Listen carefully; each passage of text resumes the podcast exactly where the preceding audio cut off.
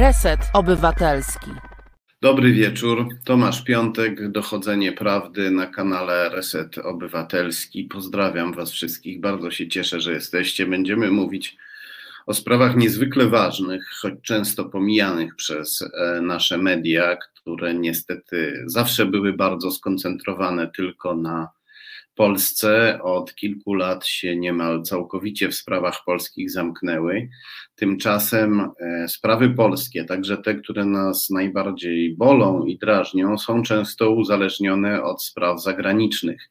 I o nowej sytuacji Polski, nie, może nie tyle nowej, bo Polska zawsze była między blokiem wschodnim a blokiem zachodnim, e, tak można powiedzieć, od taką mamy położenie geopolityczne, a, e, ale teraz sytuacja nasza w tym wewnątrz tego klinczu między dwoma blokami się zmienia, ponieważ e, przywódcą największego mocarstwa bloku zachodniego nie jest już człowiek e, słaby, o wątpliwej lojalności, szukający zbliżenia z częścią przynajmniej bloku wschodniego, czyli z Rosją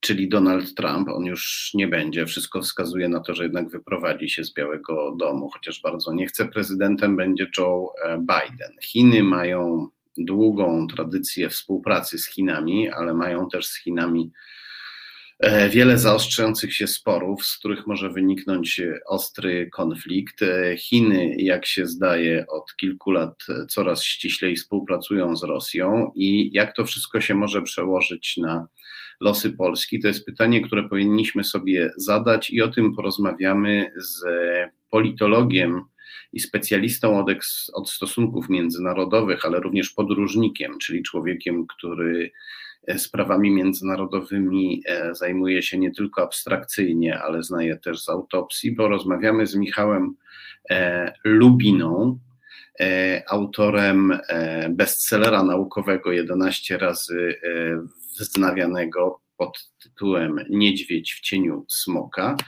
E, jest już z nami pan Michał Lubina.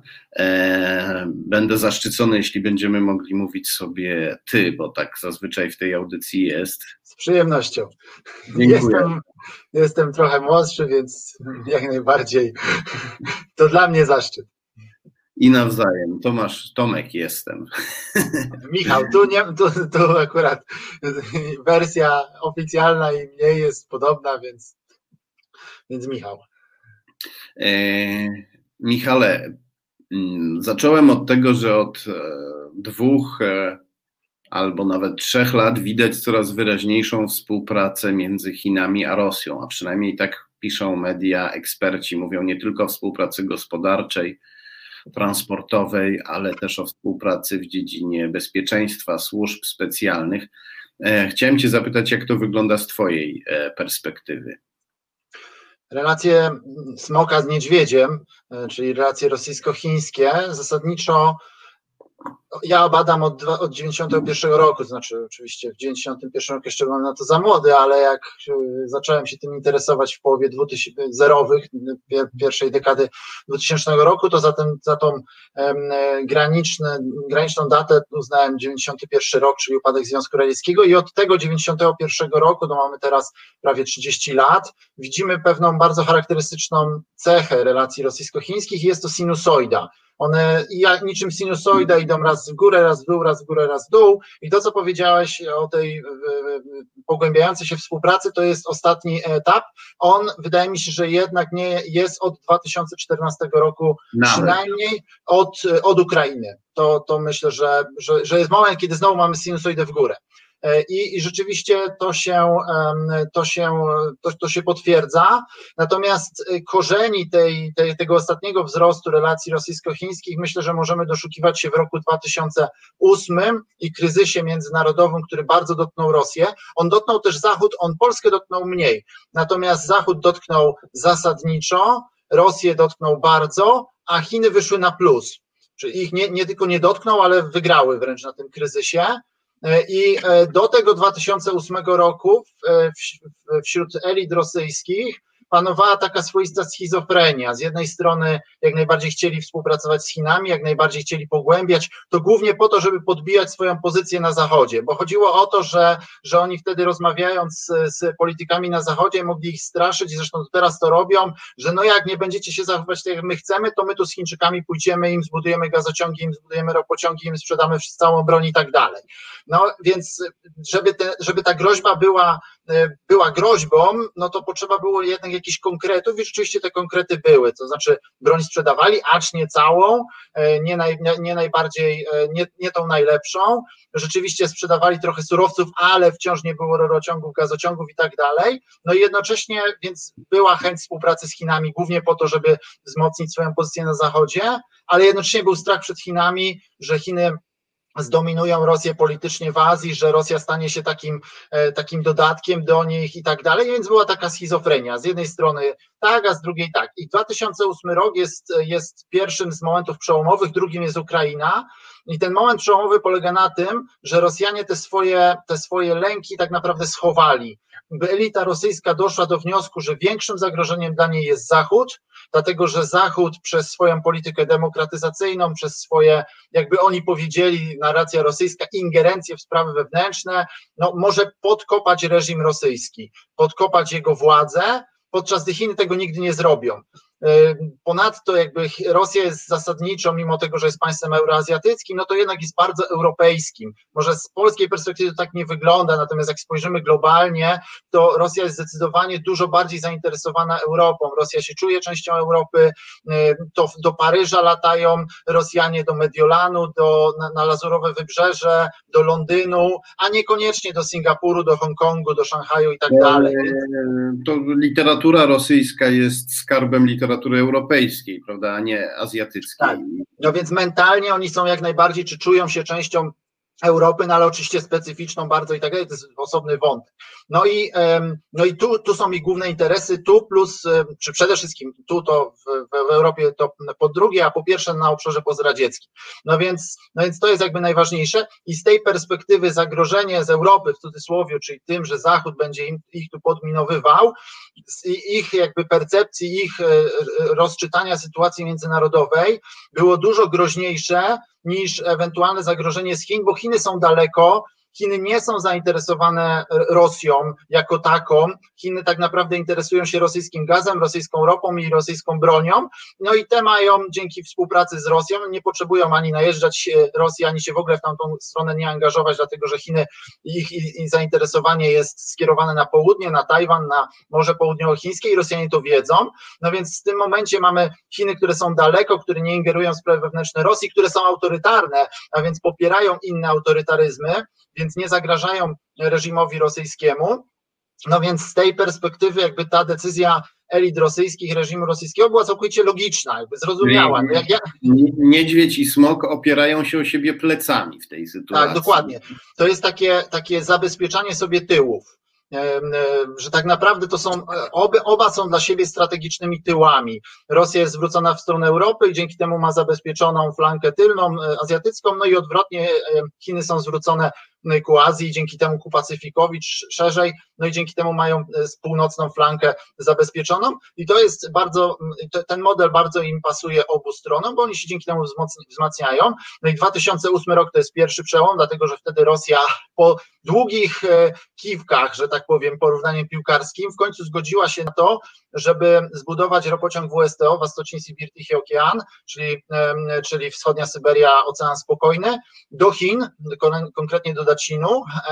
Potem jeszcze zbudowali drugie odgałęzienie do Skorowodki, no ale, ale tak naprawdę zdecydowana większość ropy płynie do Chin, więc Chiny uzyskały ten ropociąg e, e, i to, była, to było dużo ropy dość tanio i jeszcze na długi termin, więc to się bardzo opłacało Chinom.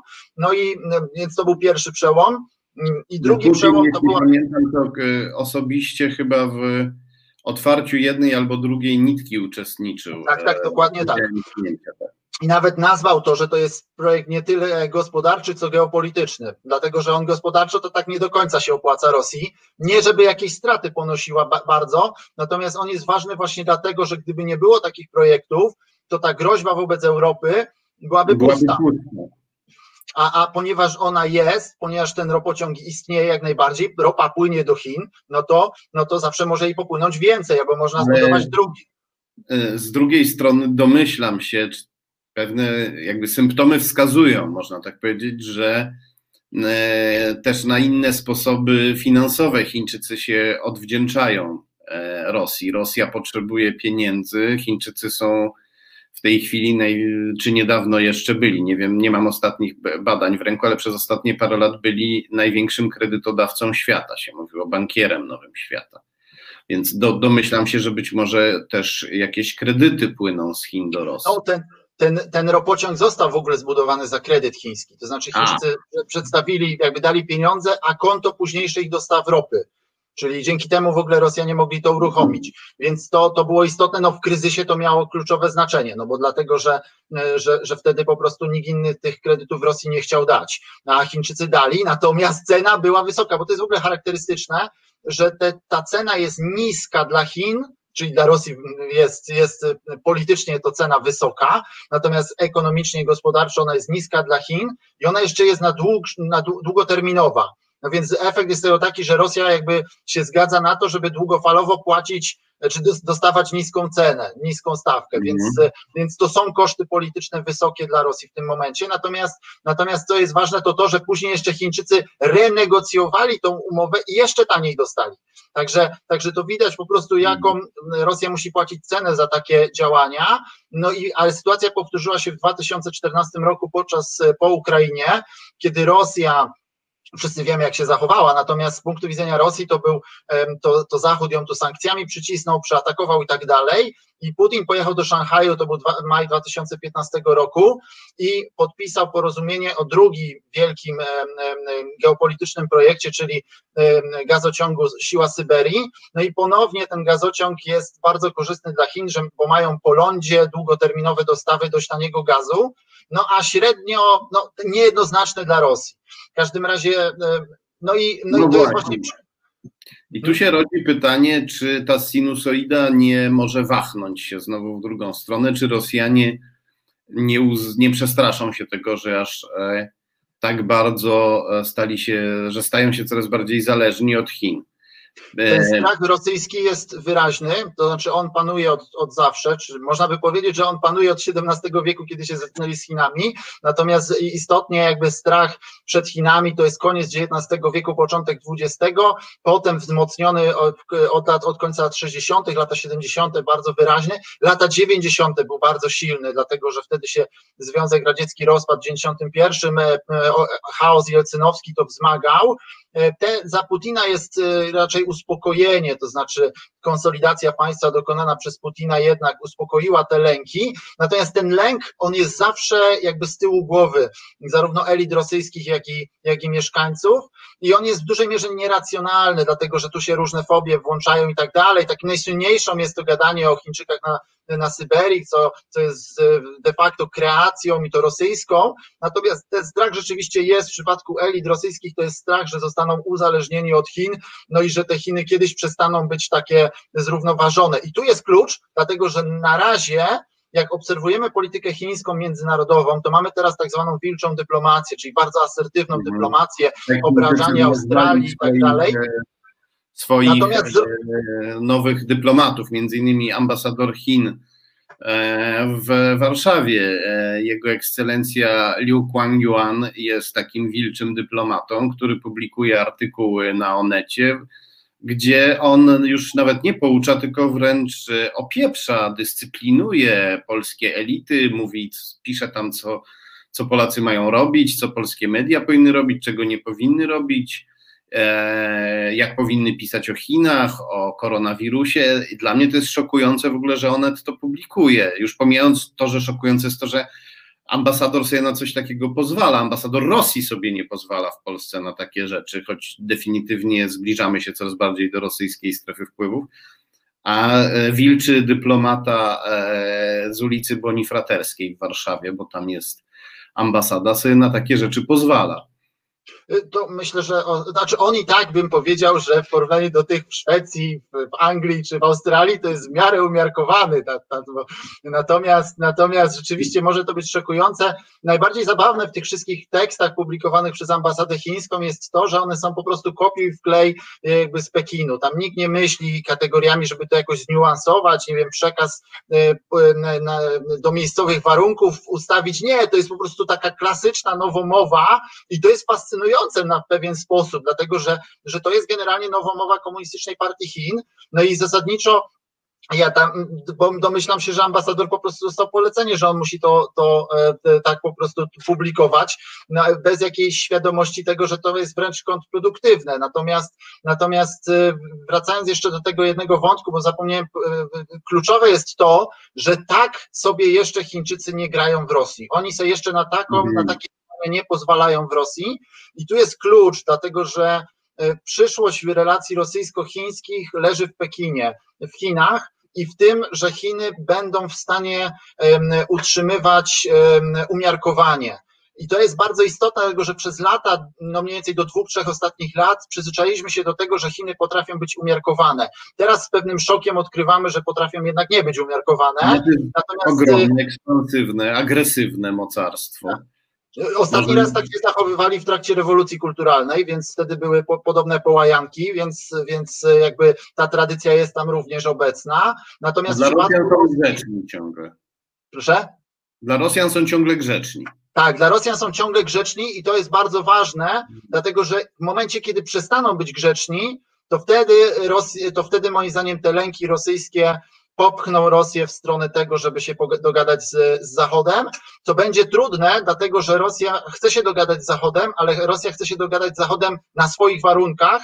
No i najważniejszy z tych warunków jest zasadniczo taki, że Zachód, no, że będzie jakby nowa, nowa żelazna kurtyna, no i, e, no i na wschód od, od Bugu, a lepiej na wschód od Odry, mhm. to wszystko, czy, czy to wszystko czy będzie strefa rosyjska, albo taka strefa szara, taka finlandyzacja powiedzmy nas, Bałtów, natomiast, natomiast strefa postsowiecka ma być stricte strefą, radzie, stricte strefą rosyjską i koniec. No i kraje prawosławne pewnie też, nawet no tak, nie... Tak, znaczy, wszystko, co było kiedyś w jakiejś strefie rosyjskiej, to, to te, no tam na przykład Rumunia czy Bułgaria to raczej podpadają pod tą finlandyzację, czy Grecja, natomiast, natomiast zasadniczo to, to obszary postradzieckie powinny być w wyłącznej strefie wpływu rosyjskiej. To jest często przyrównywane do doktryny Monroe, tak jak Amerykanie w XIX wieku zażądali, żeby zachodnia półkula była ich i koniec. Tak, Rosja podobnie domaga się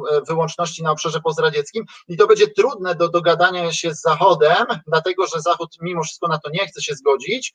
Natomiast, natomiast w momencie, kiedy by ci Chińczycy zaczęli być bardziej asertywni wobec Rosji, no to w tym momencie Rosjanie mogliby zmięknąć i te warunki trochę swoje złagodzić. No ale tu jest pytanie, czego chce Zachód? Zachód został e, metodami wojny hybrydowej, manipulacji, dezinformacji przez Rosję e, e, zraniony, uderzony bardzo dotkliwie. Amerykanie to sobie dobrze zapamiętali. I pytanie, czy teraz, kiedy prorosyjski prezydent został oderwany od stołka z dużym trudem i kiedy przychodzi Joe Biden, e, wyznawca starej szkoły, e, według której Zachód, wspólnota atlantycka są, są najważniejsze. Pytanie jest, czy Zachód w ogóle będzie chciał z Rosją rozmawiać. Być może z Rosją tak, ale czy z Władimirem Putinem i jego ekipą, którzy dokonali takich quasi półzamachów stanów w kilku krajach Zachodu, włącznie z Polską. Tutaj nawiązuje do słynnej afery taśmowej i do książki Grzegorza Rzeczkowskiego Obcym alfabetem, którą bardzo polecam. E, no ale nie tylko tam można znaleźć informacje o tym, jak e, e, Putin zafundował nam tak zwaną dobrą zmianę przy pomocy swoich, swoich agentów, swojej mafii, swoich nagrań, swoich trolli. To jest, to jest już dość dobrze opisane i udokumentowane. Więc pytanie, czy Zachód będzie e, chciał w ogóle, z, z, czy Zachód będzie chciał rozmawiać z Putinem? To jest takie pytanie. No, Zachód będzie musiał rozmawiać z Putinem. Rosja przy wszystkich tych e, no, jej niemiłych cechach, elementach, jest jednak e, stałym członkiem Rady Bezpieczeństwa ONZ-u, jest państwem, które posiada broń nuklearną, jest państwem, które, e, które, jest, które dalej ma jedną z największych armii na świecie, państwem, które ma ogromny wpływ na obszarze pozdradzieckim, także, także czy lubi, czy nie lubi, to rozmawiać musi. I za Obamy rozmawiali, to wystarczy oczywiście. sobie na przykład zobaczyć, zobaczyć, czy za Trumpa oczywiście, tak, natomiast można to sobie sprawdzić bardzo prosto poprzez obserwując liczbę rozmów telefonicznych między, między Waszyngtonem a Moskwą, e, to, to nam pokazuje, że, że izolacja ok, tam na, na poziomie dyplomatycznym, ale jednak czy tam te bezpośrednie linie nie zostały zerwane i nie zostaną zerwane. To bardziej chodzi o co innego. Ja tak, jak tak hmm. słuchałem tego, co Pan mówi, to e, co mówisz, to, e, to, to, to dwie rzeczy. Po pierwsze, to pojęcie Zachód już jest, może być skomplikowane, dlatego że, no, że jak rozumiemy Zachód, Zachód, tak? Czy rozumiemy je jako obszar atlantycki, czy z Australią też, czy z Kanadą, tak? Więc, więc to, to, to, to już tu moglibyśmy pofilozofować, dlatego że to zupełnie inaczej Zachód pojmują na przykład Hiszpanie czy Portugalczycy, a jest zupełnie mówmy, inaczej. Mówmy, mówmy NATO. No okej, okay, no to dobra. Tym bardziej, że no, to, to jest oczywiście lepiej. Natomiast, a druga rzecz, która jest wyraźna, to taka, że no, że Biden jednak jako przedstawiciel tego poprzedniego, poprzedniej i obecnej ekipy, no to on no, gra bardziej zespołowo, może tak, bo problemem Trumpa zasadniczo była taka samowolka, że, że on uważał, że on sam po prostu jest w stanie wszystko załatwić, no i czasami to się to była, to była zupełna głupota. Ja nie będę tutaj innych przykładów podawał Trumpa, ale na no, przykład Trump uważał. A czasem to było sam z Władimirem.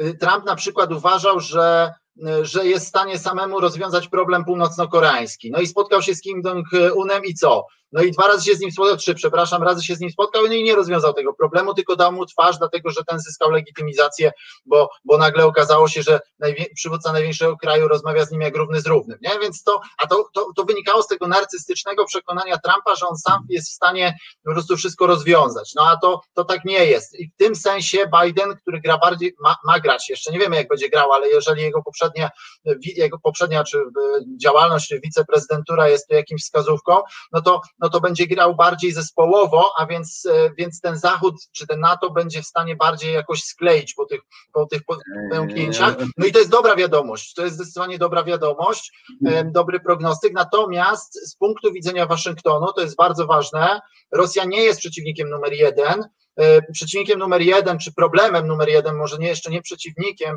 e, może jeszcze nie wrogiem, o, konkurentem już tak, wrogiem jeszcze nie, są Chiny, tak, tak. E, e, na Zachodzie popularność zyskuje takie przyrównanie problemu chińskiego i rosyjskiego, że Rosja jest jak, jak huragan, albo nie wiem, potop, cyklon, to możemy sobie tutaj wrzucić jakąś katastrofę naturalną, natomiast, natomiast Chiny są jak zmiany klimatu. One nie są aż tak spektakularne, w tym sensie, że nie widać aż tak tego, a Rosja to jak ten huragan, no rozwali nam tu, nam tu pół miasta albo całe miasto. Natomiast przejdzie sobie w końcu ten huragan, nie? więc tam zostanie coś, coś poniszczy, ale nie wszystko. Natomiast w przypadku Chin, no to, no to jak zmiany klimatu, które długofalowo będą miały dużo gorsze konsekwencje. Także, także jakby podstawowy problem jest chiński, i z punktu widzenia chińskiego, jak najbardziej to, to jest kolejny powód, który zmusi Zachód do rozmawiania z Rosją, ale to będą bardzo trudne rozmowy, dlatego że że no rzeczywiście jakby Putinowi łatwiej by się rozmawiało i łatwiej się rozmawiało z, z Trumpem i jego ekipą, z Bidenem będzie mu trudniej rozmawiać, no ale to dobrze, no jakby nie jest w polskim mm. interesie, żeby się dogadał Zachód z Rosją e, za naszymi, ponad naszymi głowami. No pytanie, jak twarde będą to rozmowy? Tutaj e, w zeszłym tygodniu gościliśmy Agnieszkę Bryc, e, która... Świetna, świetna specjalistka od Rosji i Izraela. I ona powiedziała tak, że prawdopodobnie Biden postawił w Europie na Niemcy i bardzo nastąpił zbliżenie amerykańsko-niemieckie, e, bardzo silne.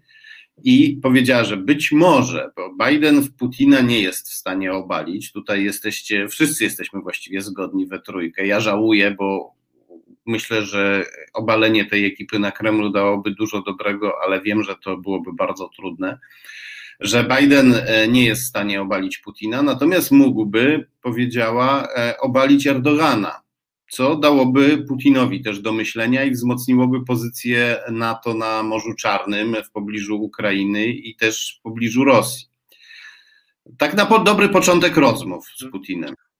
No rzeczywiście ten rodzaj rozmów to jest język, który zdecydowanie by Putin zrozumiał. Ja, ja nie jestem specjalistą Turcji, więc ja nie, nie jestem w stanie powiedzieć, na ile możliwe jest obalenie Erdogana, natomiast zasadniczo um, uważam, że zainteresowanie Rosji obszarem bliskowschodnim, jest, ja się z niego cieszę, dlatego że im oni bardziej siedzą na Kaukazie, w, na Morzu e, Czarnym czy, czy, czy, czy na Morzu Śródziemnym, no tym lepiej dla nas, bo nie będą mieli w stanie tyle tej uwagi poświęcać e, obszarom, które są bliżej nas, więc ja jak najbardziej e, mm. obserwuję z dużą przyjemnością to, że Władimir Putin starzejący się jakby nie spojrzeć, woli siedzieć w Soczi, spogląda tam coraz bardziej na południe, więc ja co do zasady tego, tego kierunku zainteresowania rosyjskiego jestem zadowolony.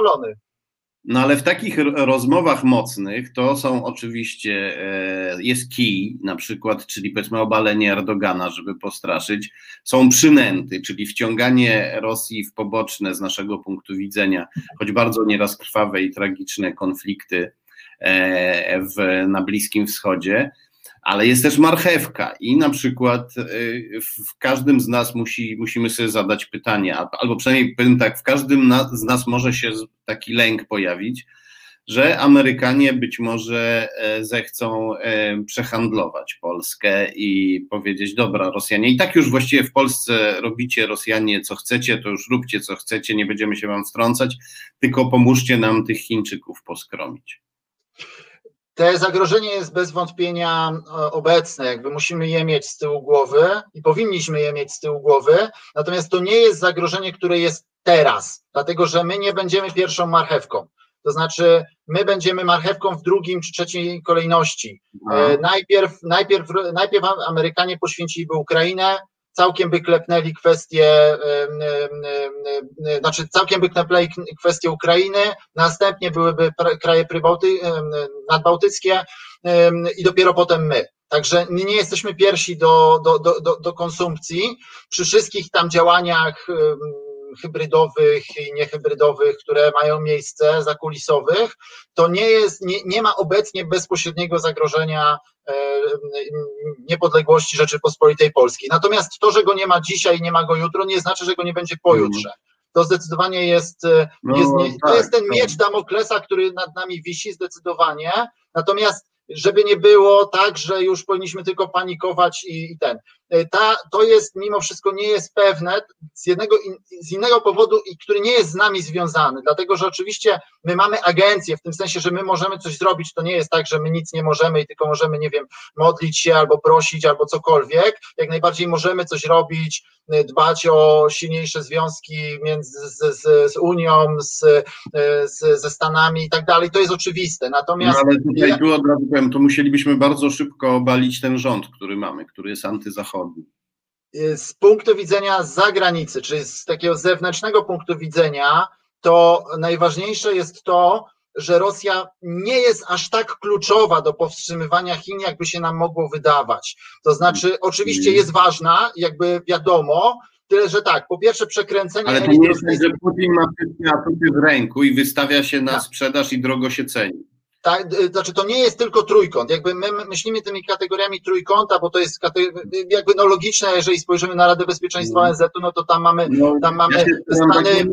Od, tak, od czasu do czasu logiczne, natomiast Indie tu mają do powiedzenia, nie?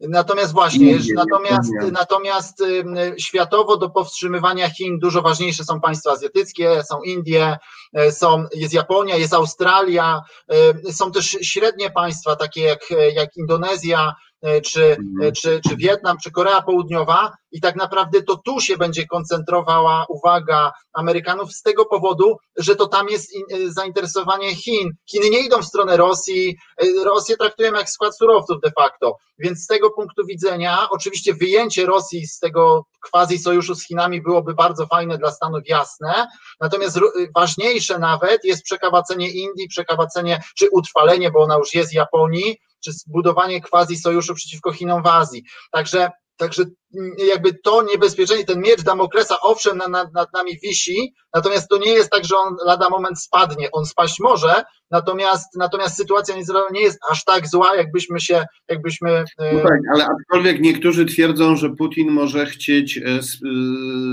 sprzedawać Amerykanom Indię, to znaczy twierdzić, że ma wpływ na, na Rendrę Modiego i na jego ludzi, na ekipę rządzącą w Indiach.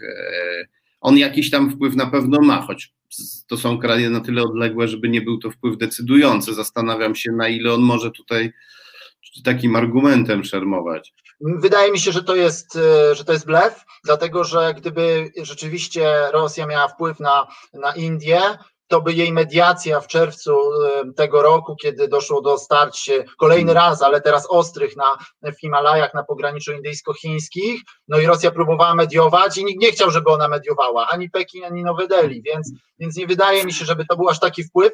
Indie zasadniczo, jeżeli jak Indie patrzą na Rosję, to Indie mają tak, z ich perspektywy Rosja jest świetnym dostarczycielem broni, doskonałym, tanio, a dobrze. I po drugie jest takim wygodnym elementem, który trochę denerwuje Zachód, bo tam są w BRICS, na przykład forum BRICS, y, są w szanghajskiej organizacji współpracy i tak dalej. Natomiast y, drugoligowa jest Rosja z punktu widzenia Indii. Mm. Indie przez lata chciały być okrakiem na barykadzie, a nie za bardzo z Zachodem, bo ta silna jest pamięć kolonializmu i ten, ale też oczywiście nie z Chinami, bo to główny wróg ale teraz zaczynają schodzić z, tego, z, tego, z tej barykady, dlatego że jednak Chiny je za mocno przycisnęły, to znaczy mhm. Chiny za bardzo zmieniają status quo tam w, Himalajach, w Butanie i tak dalej e, i efekt tego jest taki, że no Indie chcąc nie chcąc, bardziej nie chcąc, ale jednak zmierzają w stronę zachodu. No i tutaj ta Rosja, która jest ostro antyzachodnia, no nie bardzo pasuje do tego mhm. obrazka. Przede wszystkim ona w ogóle jest drugoligowa w takim globalnym spojrzeniu. Tak? My jesteśmy tam w piątej lidze, nie? natomiast Rosja jest w drugiej lidze. Natomiast, y, natomiast no to także ważne jest to, że paradoksalnie, ponieważ to my, my możemy jak kibice tam na meczu, no obserwować to tylko nie mamy na nic wpływu, natomiast, natomiast zasadniczo sytuacja nie jest aż tak zła, dlatego że, że, no, że Azja jednak, y, Azja przede wszystkim nie chce y, żadnej wojny amerykańsko-chińskiej, natomiast Azja nie chce też zostać zdominowana przez, przez Chiny, więc a pierwsze nie chcą Indie, tak? To to jest jakby podstawowe. Także owszem, jest zagrożenie, że się Zachód dogada z Rosją, ale po pierwsze ma ważniejszych partnerów, a po drugie, nawet jak się będzie dogadywał z tą Rosją, to nie nas pierwszych pożere Rosja. No i więc trochę czasu mamy, tylko pytanie, jak ten czas y, wykorzystamy, tak? To, to jest jakby e, oczywiste. No i tutaj e, wracamy do tego, do tego kraju, który niestety jest piątoligowy w tej chwili. Mógł być czwarto albo nawet trzecioligowy, gdyby współpracował z Zachodem, ale w momencie, w którym Polska przestaje z Zachodem współpracować, to spada z trzeciej czy czwartej do piątej ligi. Wracamy do Polski. Ja w Polsce obserwuję mm, e, w tej chwili mm, pewnego rodzaju współpracę może nie taką bardzo bliską, ale poniekąd harmonijną e, współpracę e, dyplomacji, a przede wszystkim służb rosyjskich i chińskich. One traktują obóz rządzący w Polsce jako takie kondominium, w którym Rosjanie mają Mateusza Morawieckiego, mogą mieć Zbigniewa Ziobrę, który bardzo chce się stać człowiekiem Putina i właściwie się z tym już nie krępuje nie, nie ukrywa tego.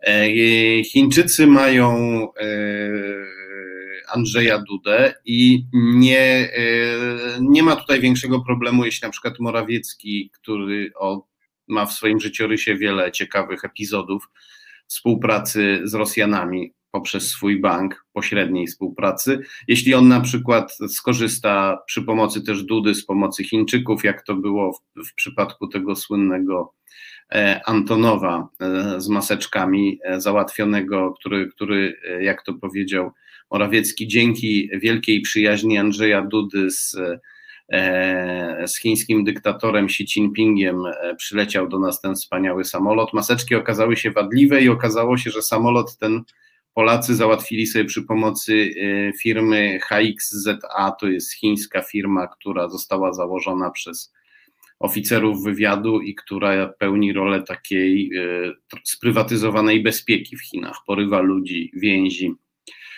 opozycjonistów chińskich. Więc mamy tego rodzaju obszary współpracy. Obóz prezydencki jest całkiem jawnie prochiński, obóz premiera nie jest jawnie prorosyjski, bo to jest w Polsce niemożliwe, ale E, działa na rzecz Rosji i ma rosyjskie powiązania. I co się stanie w momencie, w którym e, e, Rosjanie na przykład zaczną dogadywać się z Zachodem? Jak na to mogą chińskie służby w Polsce zareagować? Czy to może się przełożyć jakoś na naszą politykę? Żeby była jasność, ja nie zajmuję się i nie mam wiedzy na temat działalności służb w Polsce, więc ja bym się nie odważył takich interpretacji robić, dlatego że ja tego po prostu nie wiem. Inna sprawa, że tego nie chcę też wiedzieć, więc wolę patrzeć na sprawy międzynarodowe. No, tak, wiem, wiem, że ta, ta wiele osób się broni przed. E, przed e, tą... Więc, więc e, jakby mogę tylko w pewnym sensie systemowo to tłumaczyć. No jakby to, co teraz powiedziałeś, jest w pewnym sensie jakimś nowym dla mnie, mimo wszystko miałem pewien inny obraz tego, natomiast, natomiast znaczy, nałożyłbym na to taką teorię, że jednak więcej w polityce się dzieje przez głupotę, niekompetencję i przypadek. E, no, myślę, że w polskiej polityce też. I, i, i zasadniczo wie, wiele z tych spraw jednak wytłumaczyłbym w ten sposób, przez niekompetencję, głupotę i przypadek, e, więc w ten sposób bym odpowiedział. Natomiast jeżeli chodzi o służby chińskie, no, nie mam wiedzy, natomiast nie wydaje mi się, żeby one były jakoś nadzwyczaj silne. Myślę, że daleko im wciąż do służb rosyjskich w Polsce. E, I, I przede wszystkim to nie jest ich strefa. E, Rosjanie z Chińczykami zasadniczo no, mają takie porozumienie e, niepisane, że Chińczycy im nie bróżdżą w obszarach, które Rosjanie uważają za swoje. Czyli to głównie chodzi o bliską zagranicę, natomiast no, jak najbardziej Polska się łapie, bo była byłą republik, była, byłą no, tak, PRL. Z tego co tak? widzę, Rosjanie dali Chińczykom przyzwolenie na e, ingerencje, czy też powiedzmy intensywny monitoring tego, co może dotyczyć nowego jedwabnego szlaku w Polsce. I e, w to się właśnie zaplątał, zakładając w pewnej mierze, zakładając, że to mogło być nieświadome tutaj E, zrobię koncesję na temat tej teorii przypadku i głupoty, e, ale zaplątał się to w to świadomie lub nie i to dość głęboko obóz prezydencki razem z prezydentem Andrzejem Dudą, który mm, wielokrotnie e, występował, reklamował wręcz i w Polsce, i, i w Chinach też podczas swojej wizyty ten, ten, ten, ten, ten projekt a w sprawy Tylko, też... Żeby, żebyśmy, byli, żebyśmy byli w miarę uczciwi, ja myślę, że to się bardziej, e, bardziej wiązało z takim e, jeszcze preamerykańskim, e, zanim nastąpiło amerykańskie wyraźne powiedzenie, że Chiny są przeciwnikiem, którego należy powstrzymywać, co nastąpiło mniej więcej dwa lata temu, to w Polsce mniej więcej, to jeszcze końcówka platformy była i PiS się tu wpisał w to, panowało takie, takie złudzenie, takie przekonanie, że Chiny są wielką szansą. I to jeszcze był, Komorowski jeździł do Chin, prezydent Komorowski podpisał strategiczne nie, partnerstwo nie, nie. i tak dalej, więc to była pewna atmosfera intelektualna, która zakładała, że możemy się podczepić pod rozwój chiński i w efekcie na tym dużo zyskamy. Szczególnie 2014, 15, 16, ale to jest ważne, jakby patrząc na to z zewnątrz, to nie przyniosło to żadnych skutków. To znaczy, to przyniosło odwrotne skutki. To znaczy, nierównowaga handlowa na korzyść Chin się tylko pogłębiła. To znaczy, oni jeszcze więcej zarabiają nie, na handlu z nami niż, niż zarabiali. To, było, to przyniosło znakomite skutki z punktu widzenia Chińczyków.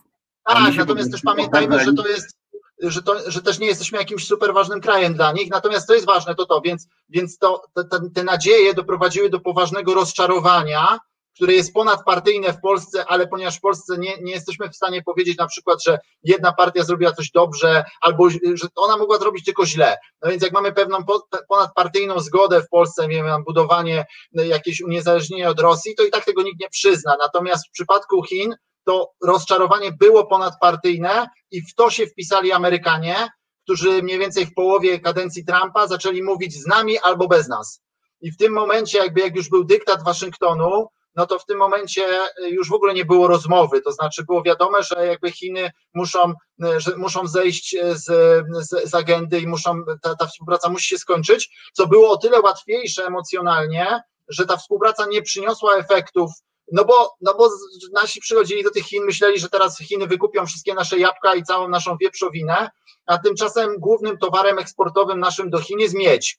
I to zasadniczo Chińczycy chcą od nas brać, miedź. Natomiast to tyle, tak? I tam jeszcze pomniejsze rzeczy. Ale tak naprawdę to, to ten model gospodarczy polsko-chiński to jest odwrócony model neokolonialny, czym odwrócony model kolonialny. Neokolonialny z tym, że to my jesteśmy tą kolonią, bo to my dostarczamy miedź, a oni dostarczają e, produkty wysoko zaawansowane, więc, więc w tym momencie... Tak, ale tutaj dodam, że ja mam taki e, paskudny zwyczaj, niektórzy koledzy dziennikarze mnie za to nie lubią, że ja nie ograniczam się do czytania oficjalnych deklaracji, tylko ja potem biorę sobie i sprawdzam statystykę, e, czytam sobie komunikaty spółek, i, mm, i wojn, wojna, wojna Trumpa z Chinami e, była e, w mojej ocenie w Stanach niezbyt e, skuteczna i można sobie zadawać pytanie też, na ile ona była szczera, biorąc pod uwagę to, co ujawnił pan Bolton, były doradca Trumpa, który mówił, że jeszcze półtora roku temu Trump błagał chińskiego dyktatora o pomoc w wygraniu wyborów. E, e, natomiast w Polsce na przykład państwowe e, koleje cały czas są nastawione na obsługę tego niekorzystnego dla nas, jak powiedziałeś, tej niekorzystnej wymiany z Chinami. Ukochany stryj prezydenta Dudy, Antoni Duda, wszedł do E, Rady Nadzorczej PKP Cargo, a tak się składa, że to on i jego żona e, byli czynnikiem mm, od wielu lat, zanim jeszcze Andrzej Duda został prezydentem, przekonywali swojego e, robiącego polityczną karierę krewniaka młodego, przekonywali go do mm, zbliżenia z Chinami i do tego, że Chiny są szansą. Więc mm, nie sądzę, żeby polityczny klan Dudów tak łatwo się wyleczył z tego e, e, złudzenia. O no może tak, ja bym powiedział, że tak, nie, nie da się nie handlować z Chinami. Jakby zdecydowanie to nie jest, to nie jest tak, że, że to nie wiem, że to jest Korea Północna i możemy się na nią obrazić i powiedzieć, wy tam mordujecie, nie wiem, Ujgurów, chrześcijan, Falun Gong, Tybe, Tybetańczyków gnębicie i tak, to wszystko jest prawda, żeby była jasność, tak? No i no to, to my się na was obrażamy. No to jest jednak drugie mocarstwo globu, które ma interesy globalne, które, które jest wszędzie i tak dalej, więc się, nie, nie da się nie, nie nie, nie, współpracować, nie handlować z Chinami. No ale to też jest pytanie per saldo, bo mamy jakby interes narodowy, natomiast mamy też interesy poszczególnych grup. Akurat z punktu widzenia PKP Cargo, to to wydaje mi się, że jest opłacalne, czy PKP szerzej, no bo jednak ktoś musi te towary przewozić. To Oczywiście. Z punktu widzenia PKP Cargo, im więcej my tych, tej miedzi wywozimy i tych komputerów przywozimy, czy smartfonów, to dla nich to jest super, ale to jest też spółka państwowa, która powinna dbać też o interes państwa, a nie tylko swój.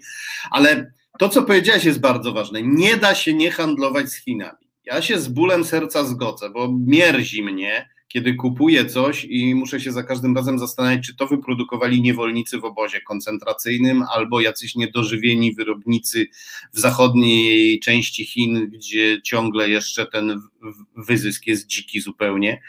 E, nie da się nie handlować z Chinami. To jak handlować z Chinami mądrze, tak, żeby zminimalizować e, cierpienie e, chińskich e, niewolników czy wyrobników, zminimalizować negatywne koszty dla naszej gospodarki, czyli e, no, bezrobocie, e, niedorozwój, można powiedzieć, technologiczny, właśnie polegający na tym, że Chińczycy rozwijają technologię, a my mieć eksportujemy. Co powinniśmy zrobić, żeby na tym handlu z Chinami, żeby ten handel był bardziej korzystny dla nas i też bardziej etyczny? No, myślę, że to jest pytanie, które sobie zadajemy w Polsce, przynajmniej w kręgach analitycznych od dobrych 10 lat, a przynajmniej ja, myślę, że dłużej, tak? Natomiast od 10 lat je pamiętam. E, I oczywiście zmieniały się ekipy polityczne i zmieniały się tam barwy i odcienie ideowe, natomiast co do zasady to pytanie pozostaje e, wciąż aktualne łatwiej odpowiedzieć na ten wątek etyczny, dlatego że no my jako podwykonawca Zachodu, tak naprawdę no, drugoligowy czy piątoligowy kraj zachodu, to tak naprawdę jedyną szansą w takich kontaktach z Chinami to jest granie zespołowe, ale ono jest trudne, dlatego że mało kto gra zespołowo. To nie jest tak, że to jest tylko nasza wina. Niemcy, Francuzi sami grają e, na, własny użytek z, z Chinami, więc ta, ta, ta, ta, ten brak jedności Zachodu jest w ogóle podstawowym problemem, natomiast e, mhm. jakby nasz potencjał gospodarczy to jest potencjał jednej czy dwóch prowincji chińskich, także, także trzeba mieć tego świadomość, tych lepszych oczywiście, czy tam średnich, tak, e, więc, więc, e, więc jakby trzeba mieć świadomość skali i teraz jakby podstawowy problem, przed którym stała Polska i stoi dalej, to jest, żeby znaleźć sobie w rynku chińskim jakieś nisze. Taki, taką niszą na przykład są gry komputerowe. To mało kto o tym wie ale tutaj tu, tu coś możemy zrobić, tak, no zwiększyć sprzedaż miedzi możemy oczywiście, tak, natomiast chodzi o to, że to, to musi być taka e, strategia smart, ta inteligentna, która będzie pozycjonowała nas w określonych e, segmentach rynku chińskiego, tam gdzie, tam gdzie możemy jakoś konkurować, ale podkreślam, że to jest trudne, dlatego że Polska nie dorobiła się czempionów, nie, w Polsce nie ma Nokii, nie ma Siemensa, nie ma tego typu rzeczy. Nie, my nie Jeżeli największym pracodawcą Małopolski jest Uniwersytet Jagielloński, który jest wspaniałym pracodawcą, żeby była jasność, tak? Jakby nie mogę złego słowa ale powiedzieć, jednak, tak? tak? No ale my jeżeli nie tworzymy, jest... my nie tworzymy marek, nie tworzymy swoich wielkich e, koncernów eksportujących na cały świat E, nie tworzymy wielkich korporacji, tak naprawdę. Nam się bardziej udają małe firmy. A tutaj. No i, to, i to właśnie w Chinach jest zabójcze, dlatego że w Chinach jest wszystko. Po pierwsze, jest efekt skali, jest ogromny rynek, a po drugie, no jednak tam jest to bardzo z góry w dół. Jak u nas jest model gospodarczy, u nas jest model nieufania rządowi i tem, no bo z wiadomych przyczyn. A tam jest odwrotnie i efekt tego jest taki, że tam jednak trzeba politycznie najpierw podziałać ten. No i tutaj, no i tutaj jest, to jest ta kwadratura koła, której nie jesteśmy w stanie rozwiązać. Natomiast co do kwestii etycznych, o których wspomniałeś, no to problem z tymi kwestiami etycznymi polega na tym, że do tej pory był, e, było zachowanie następujące, to znaczy Zachód, e, Zachód mówił o tych wartościach, a tak naprawdę w ogóle się nimi nie przejmował i zarabiał pieniądze, Natomiast my zaczęliśmy mówić o wartościach i na tej rozmowie o wartościach skończyliśmy. Samym wartościom ani postawa Zachodu, ani nasza niewiele pomogła, dlatego że sytuacja Tybetu jest dzisiaj gorsza niż była 10 lat temu.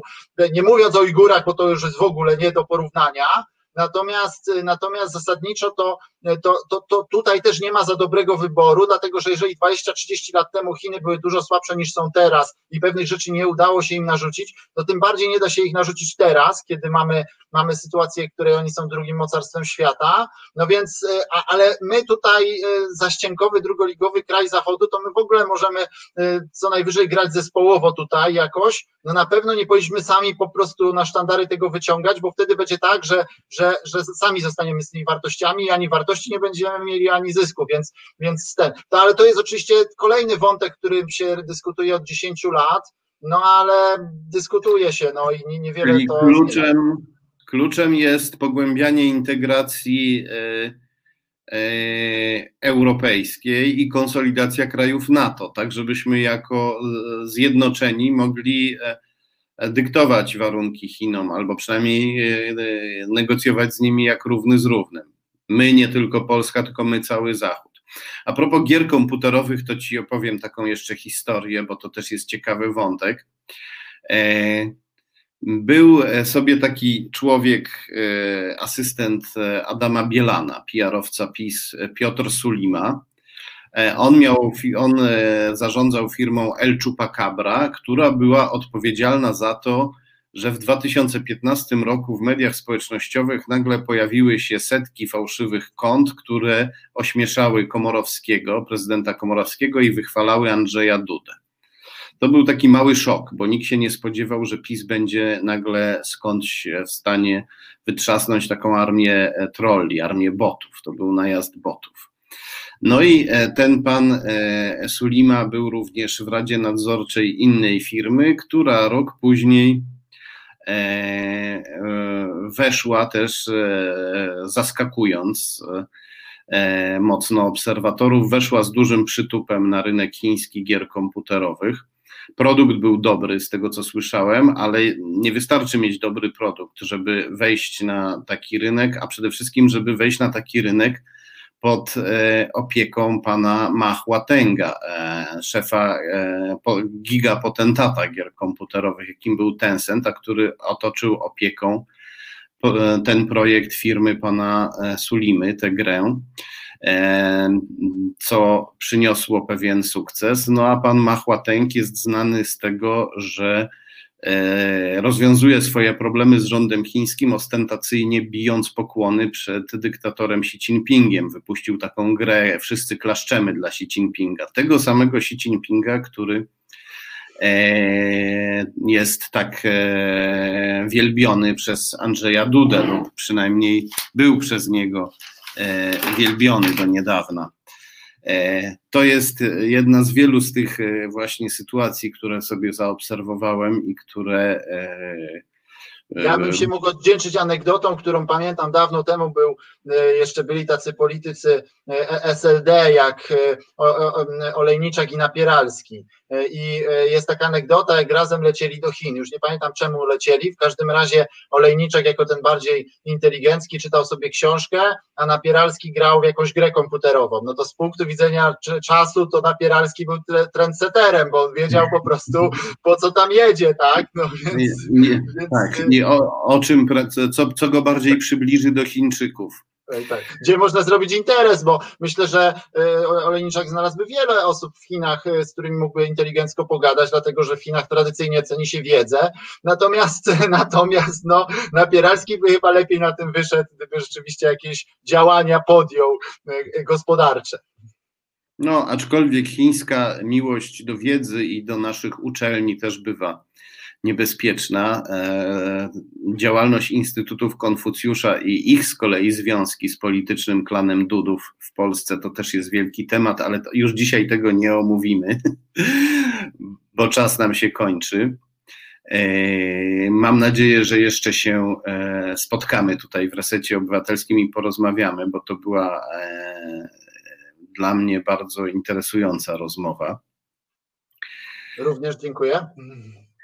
To ja, to ja Ci dziękuję bardzo. Myślę, że dziękujemy Ci wszyscy oglądający i komentujący. Naszym rozmówcą był Michał e, Lubina, autor naukowego 11 razy wznawianego bestsellera Niedźwiedź w cieniu smoka o stosunkach e, rosyjsko-chińskich od 1991 do 2014 roku. Tak, później jeszcze była wersja anglojęzyczna, która jest zresztą dostępna za darmo, więc, więc zapraszam, można sobie ściągnąć ją z internetu.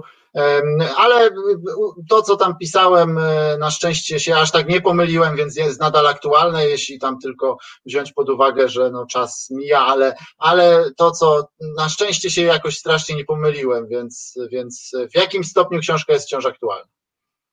Dziękuję bardzo za rozmowę. Dziękuję serdecznie. Dziękuję bardzo i do zobaczenia. My się e, zobaczymy za e, 5 minut. Ja muszę sobie e, dolać ciepłej wody do herbaty, bo całkowicie mi wystygła podczas tej pasjonującej rozmowy. I za chwilę słyszymy się znowu. Będziemy rozmawiać o tym, do czego już nawiązywaliśmy w rozmowie z Michałem Lubiną. Będziemy mówić o chińskich sieciach wpływu w Polsce. Reset Obywatelski działa dzięki Twojemu wsparciu. Znajdź nas na zrzutka.pl. Słuchasz Resetu Obywatelskiego. Już jesteśmy po przerwie. Rozmawialiśmy z Michałem Lubiną, politologiem, podróżnikiem, ekspertem od stosunków międzynarodowych. Rozmawialiśmy o Chinach, Rosji i Zachodzie. Wspominałem w tej rozmowie o powiązaniach e, Andrzeja Dudy z chińskim reżimem, Dudy i jego rodziny, całego politycznego klanu, politycznego klanu Dudów, E, związanego z e, obozem władzy, z partią PiS, e, bo to nie tylko Andrzej Duda, ale również jego ojciec, jego ukochany stryj Antoni Duda, a przede wszystkim żona tego stryja, ciotka Krystyna Duda. Oni, ta, ta para Antoni i Krystyna Duda z naciskiem na Krystynę mają powiązania z tak zwanym Instytutem Konfucjusza. Instytuty Konfucjusza to są placówki, które Chińczycy otwierają na zachodnich uniwersytetach pod pozorem wymiany kulturalnej i nauki języka. Na zachodzie się te instytuty Konfucjusza zamyka, ponieważ władze zorientowały się, że one pełnią cele propagandowe i wywiadowcze. Szef Belgijskiego Instytutu Konfucjusza został wydalony z Belgii i z Unii Europejskiej za szpiegostwo na rzecz Chin oczywiście. Natomiast w Polsce się te instytuty otwiera. W Polsce Politechnika Opolska między innymi bardzo intensywnie e, współpracowała z e, chińskim reżimem poprzez tamtejszy Instytut Konfucjusza. Instytut Konfucjusza otwarty w Opolu, a z tym instytutem bardzo intensywnie współpracowała Krystyna Duda, mm, ciotka Andrzeja Dudy i jej e, protektor Marek Tukiendorf, który zmarł w e, niewyjaśnionych e, okolicznościach w zeszłym roku. Człowiek, który się bardzo zaangażował we współpracę z chińską agencją propagandowo-wywiadowczą Hanpan. E, I tak się składa, że Andrzej Duda, kiedy opowiada o współpracy z Chinami, to mówi niemal dokładnie, przeklejając teksty pochwalne dla Chin, jakie w Opolu publikowała jego ciotka Krystyna Duda. O tym e, można przeczytać w książce Duda i jego tajemnice. Książka została, e, gdyby Państwo nie wiedzieli, wydana jeszcze przed wyborami. E, natomiast e, przeciwnicy Andrzeja Dudy w kampanii wyborczej e, nie ośmielili się mówić o sprawach ujawnionych w tej książce, tych chińskich i tych niechińskich. E, co być może niestety przyczyniło się do tego, że musimy znosić Andrzeja Dudę jeszcze przez następne parę lat. Mam nadzieję, że krócej. Mam nadzieję, że obalimy ten obóz władzy i Andrzej Duda e, nie będzie miał innego wyjścia, jak tylko e, podać się do dymisji.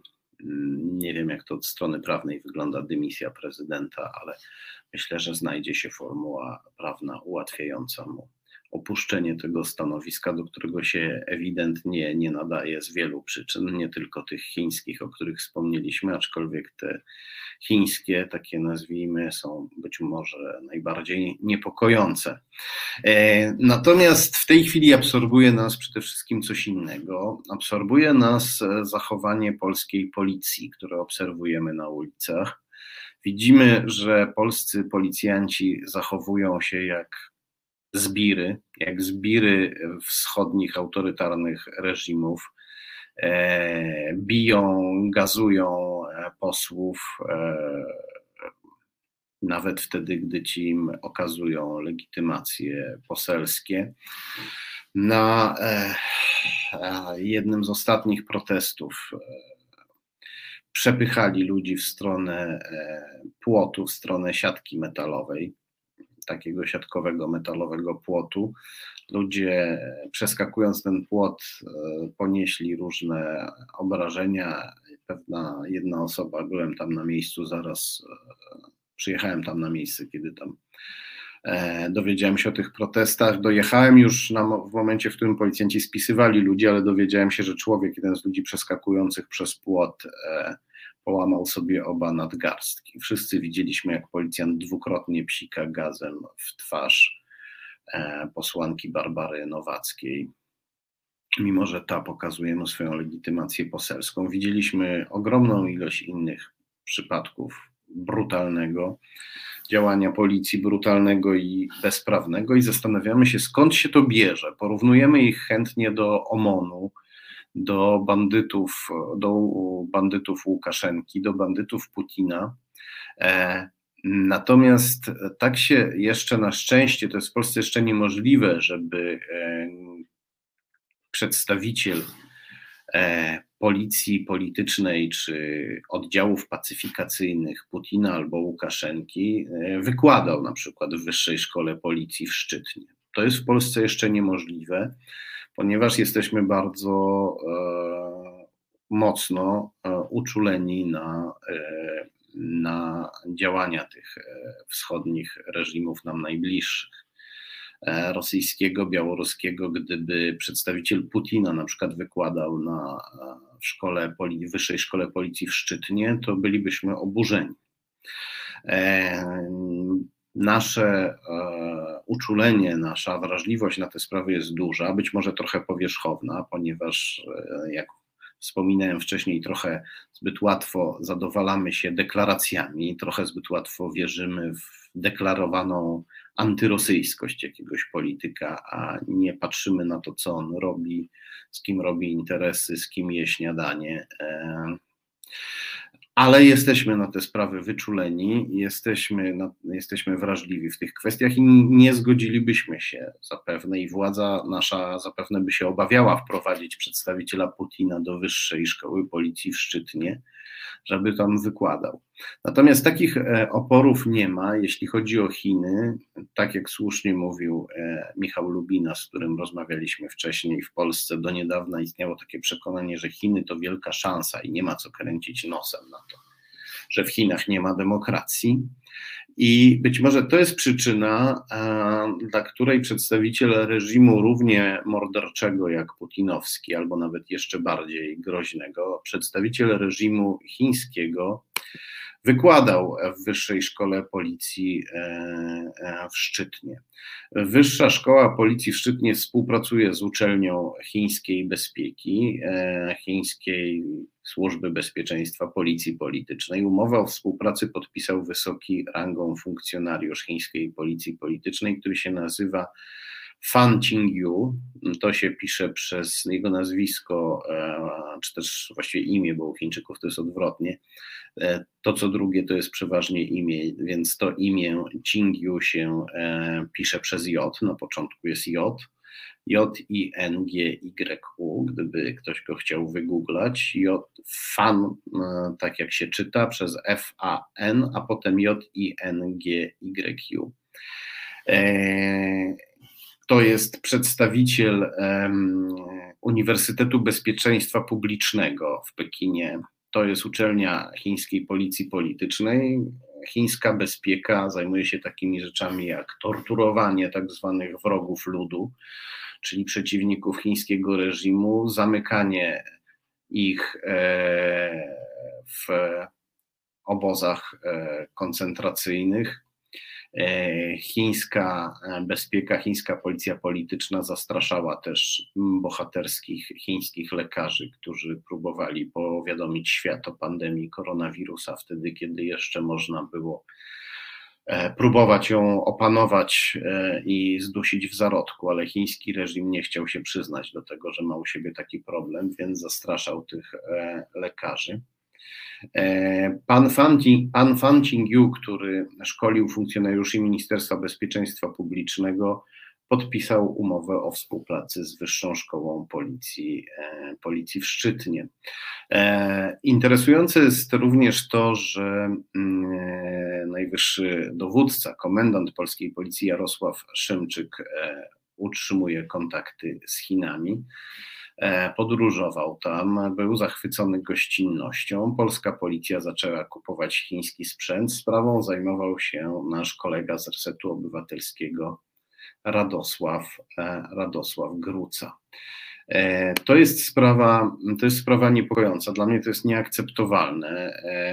Być może pan Fan Qingyu na początek E, podpisał umowę, która dotyczy e, szkolenia policjantów co do tego, jak e, komunikować się z przedstawicielami chińskich wspólnot działających w Polsce, ale to też nie zmniejsza mojego niepokoju, ponieważ każdy chiński obywatel, który wjeżdża do Polski, powinien być traktowany zgodnie z polskim prawem, a nie z chińskim prawem. Natomiast Chińczycy mają taką tendencję, żeby eksportować swoje standardy prawne i e, kryminologiczne, takie jak na przykład torturowanie wrogów ludu albo osób e, podejrzanych o przestępstwo.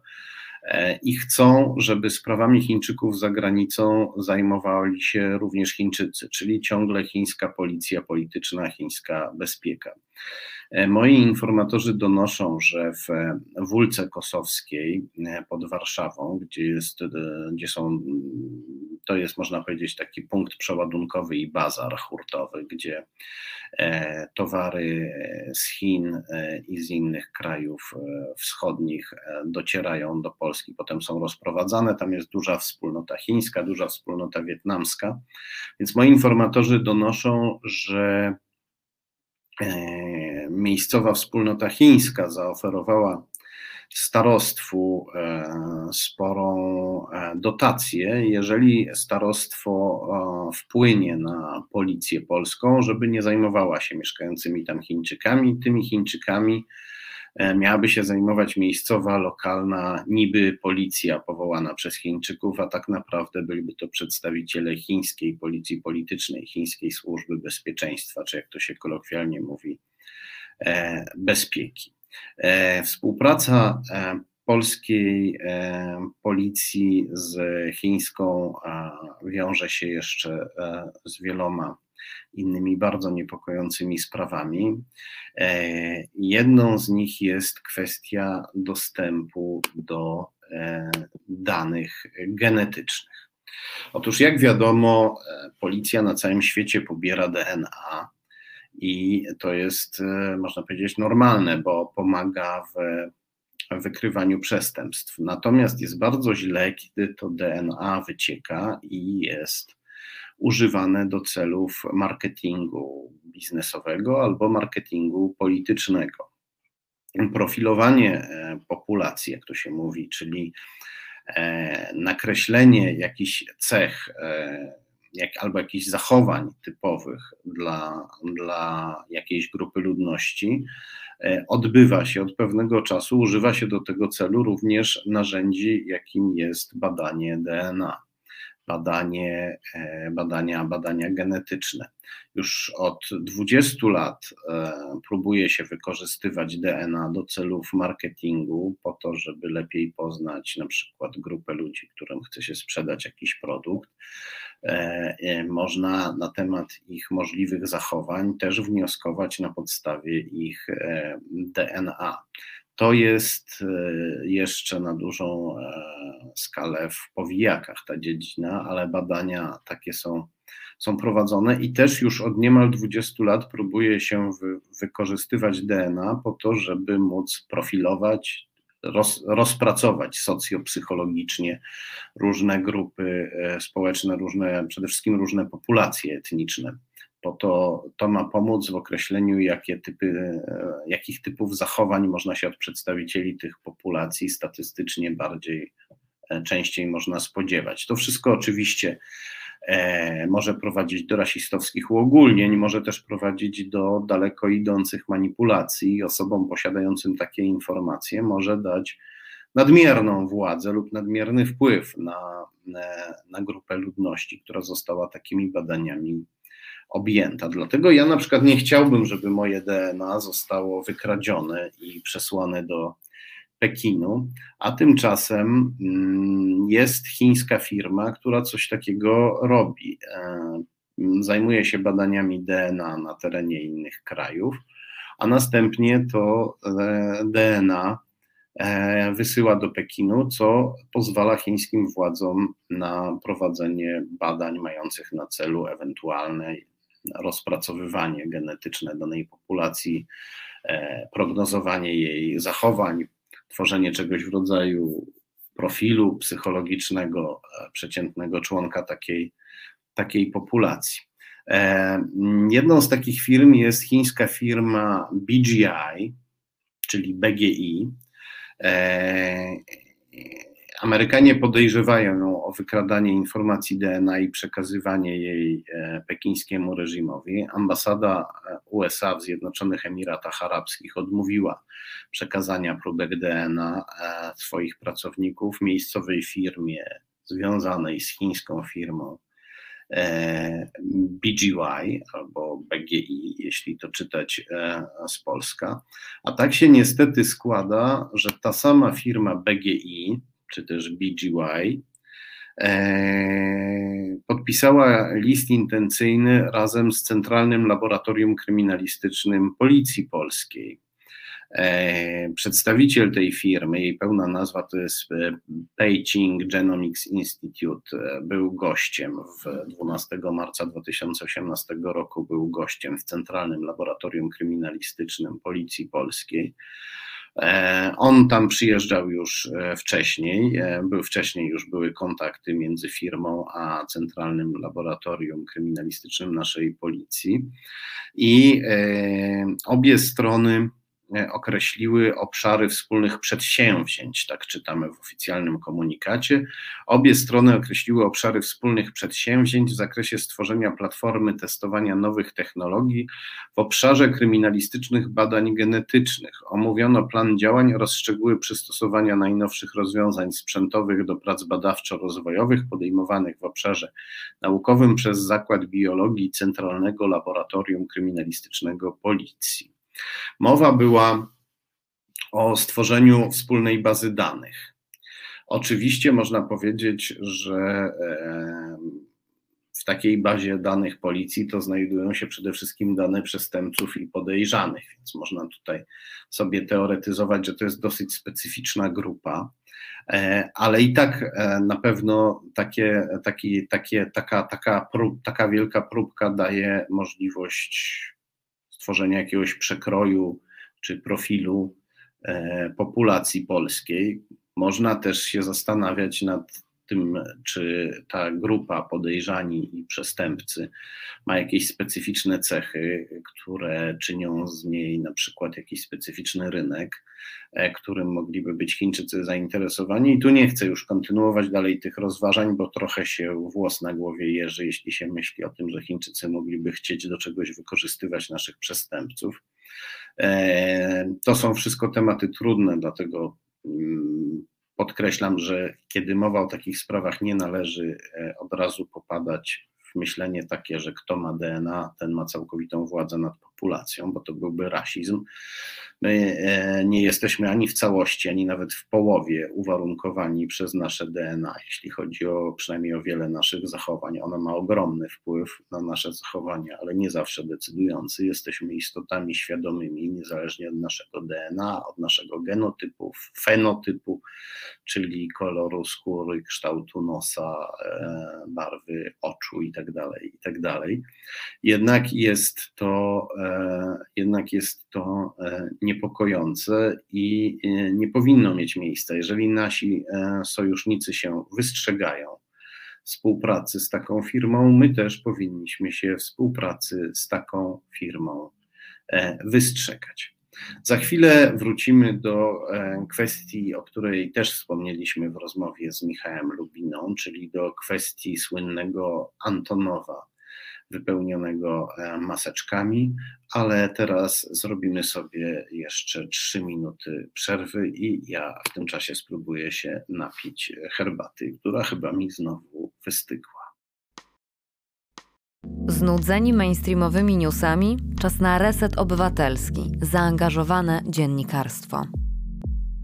I wracamy po przerwie. Przed chwilą przestrzegałem przed uogólnieniami i teraz jeszcze wrócę do tego tematu. E, Przestrzegam także przed uogólnieniami, kiedy myślimy i mówimy Chińczycy. Ja często mówię Chińczycy, Rosjanie, kiedy mam na myśli działania przedstawicieli chińskiego lub rosyjskiego reżimu w Polsce. Wszyscy tak mówimy, to jest naturalne uproszczenie. Trzeba jednak pamiętać, że e, większość Rosjan to nie są zbiry Kremla, tylko jego ofiary, bo ten reżim jest okrutny dla swoich poddanych i podobnie jest w Chinach.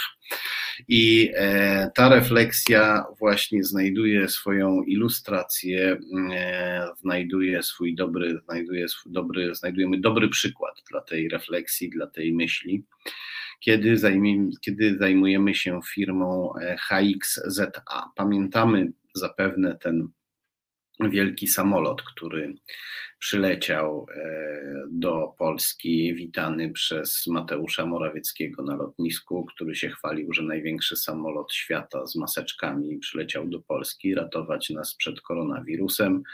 Maseczki i samolot dotarły do Polski, jak powiedział Morawiecki, dzięki e, osobistym kontaktom Andrzeja Dudy z chińskim dyktatorem Xi Jinpingiem. Było to bardzo upokarzające. Jesteśmy państwem trzecio- lub czwartoligowym, które dzięki obecnej władzy spadło do piątej ligi, ale wciąż mamy swoją godność i to, że premier naszego państwa czołobitnie jedzie na lotnisko, żeby tam przywitać niemalże z pokłonami e, samolot e, przysłany przez Chińczyków z chińskimi maseczkami, e, to jest dla nas obraźliwe.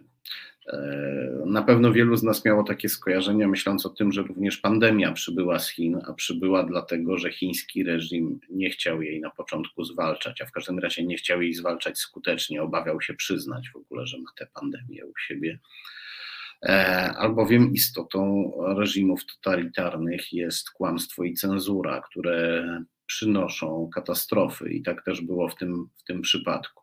To było obraźliwe, a jeszcze bardziej obraźliwe się stało, kiedy znakomity dziennikarz wyborczej, Gazety Wyborczej Jacek Harbukowicz ustalił, że Cały ten spektakl odbył się w dużej mierze dzięki chińskiej firmie HXZA, która załatwiła e, dla polskiego rządu samolot Antonow, o którym można było powiedzieć, że to największy samolot świata. I to było też jakby główny punkt tego spektaklu, bo masa osób oglądała to widowisko po to, żeby zobaczyć największy samolot, e, samolot świata.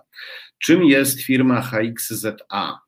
Której e, Andrzej Duda, Mateusz Morawiecki i Dobra Zmiana zawdzięczali ten spektakl. Spektakl, który się odbył w trudnym momencie dla tak zwanej dobrej zmiany, bo to był moment, w którym się e, okazało, że dobra zmiana jest niemalże bezradna wobec pandemii koronawirusa. Brakowało sprzętu i proszę o to nagle z nieba przylatuje zesłany nam największy samolot świata, przysłany do nas przez dobrotliwe dalekowschodnie imperium, z którymi jesteśmy zaprzyjaźnieni przez naszego prezydenta Andrzeja Dudę. Tak to przedstawiał Mateusz Morawiecki na lotnisku. Tak wynikało z jego słów i z tego całego spektaklu, który oglądaliśmy. E, tak naprawdę samolot dotarł do nas nie tylko dzięki e, kontaktom Dudy z chińskim dyktatorem, przede wszystkim dzięki chińskiej wojskowo-bezpieczniackiej firmie e, HXZA, która wspiera chiński reżim również zbrojnie. HXZA to wielka korporacja ochroniarska związana z armią chińskiego reżimu. Ludzie tej firmy prześladują chińską demokratyczną opozycję, oczywiście na zlecenie rządu. Porywają opozycjonistów i przetrzymują ich w tajnych, nielegalnych więzieniach. Zbrojni pracownicy HXZA pilnują porządku na międzynarodowych trasach tak zwanego nowego jedwabnego szlaku. Wspominaliśmy o tym też w rozmowie z Michałem Lubiną. Nowy jedwabny szlak to nowe połączenia drogowe i morskie, korzystne dla reżimu Chin i niekorzystne dla, e, dla Zachodu. Mm, kiedy te maseczki już przyleciały, okazało się, że nie mają niezbędnych certyfikatów Unii Europejskiej, są wadliwe, bezużyteczne, a nawet niebezpieczne, ponieważ nie chronią w wystarczającym stopniu przed zakażeniem. I tak to właśnie jest e, z podarkami, z prezentami od tyranów. One e, są e, przeważnie zatrute, przeważnie są szkodliwe dla tych, którzy je otrzymują. Niezależnie od tego, czy tyran rzuca, sypie złotymi monetami rzuca je w tłum swoich poddanych, czy też przesyła na przykład swoim zagranicznym sojusznikom prezenty. Tyrania i dyktatura jest e, zła ze swej istoty i nawet jeśli przez pewien czas przynosi jakieś dobre efekty, to na końcu koszty okazują się znacznie większe od e, korzyści, znacznie większe i e, niezwykle, niezwykle bolesne. Tak też było w tym przypadku, ale najbardziej cierpią, najbardziej cierpią ofiary chińskiego reżimu. Mam nadzieję, że nigdy e, u nas nie będzie tak, jak jest w tej chwili w totalitarnych, w totalitarnych Chinach a do tego, że e, Chińczycy cierpią, przyczynia się właśnie e, firma e, HXZA, która załatwiła Morawieckiemu i Dudzie największy samolot świata. Pełna nazwa tej firmy w wersji angielskiej brzmi Hua Xinchong An Beijing Security Service. Ten początek to oczywiście po chińsku, ale w nazwie anglojęzycznej, w pełnej nazwie anglojęzycznej chiński początek jest e, zachowany. E, to wielka korporacja ochroniarska powstała w 2004 roku. Cieszy się szczególnymi względami e, chińskiego reżimu. E, wśród jej założycieli są byli oficerowie chińskich służb wojskowych. E, HXZ działa w Pekinie i w wielu innych chińskich miastach, jak również za granicą, na obszarach szczególnie intensywnej ekspansji polityczno-gospodarczej Chin. Dlatego e, włosy mi się jeżą na głowie i skóra mi cierpnie, kiedy myślę o tym, że firma HXZ już się Polską interesuje jako państwem leżącym na na nowym jedwabnym szlaku, na wielkiej trasie transportowej, za pomocą której Chiny zamierzają lub do niedawna zamierzały zalewać Zachód swoimi towarami jeszcze intensywniej niż robią to teraz.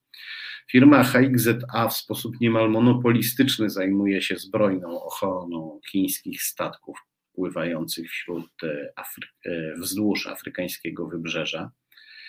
Chiny traktują Afrykę jak swoją strefę wpływów. E, ochroniarze HXZ mają wojskowe przeszkolenie. E, współpracują nie tylko z chińską armią, ale też z chińską policją i służbami specjalnymi.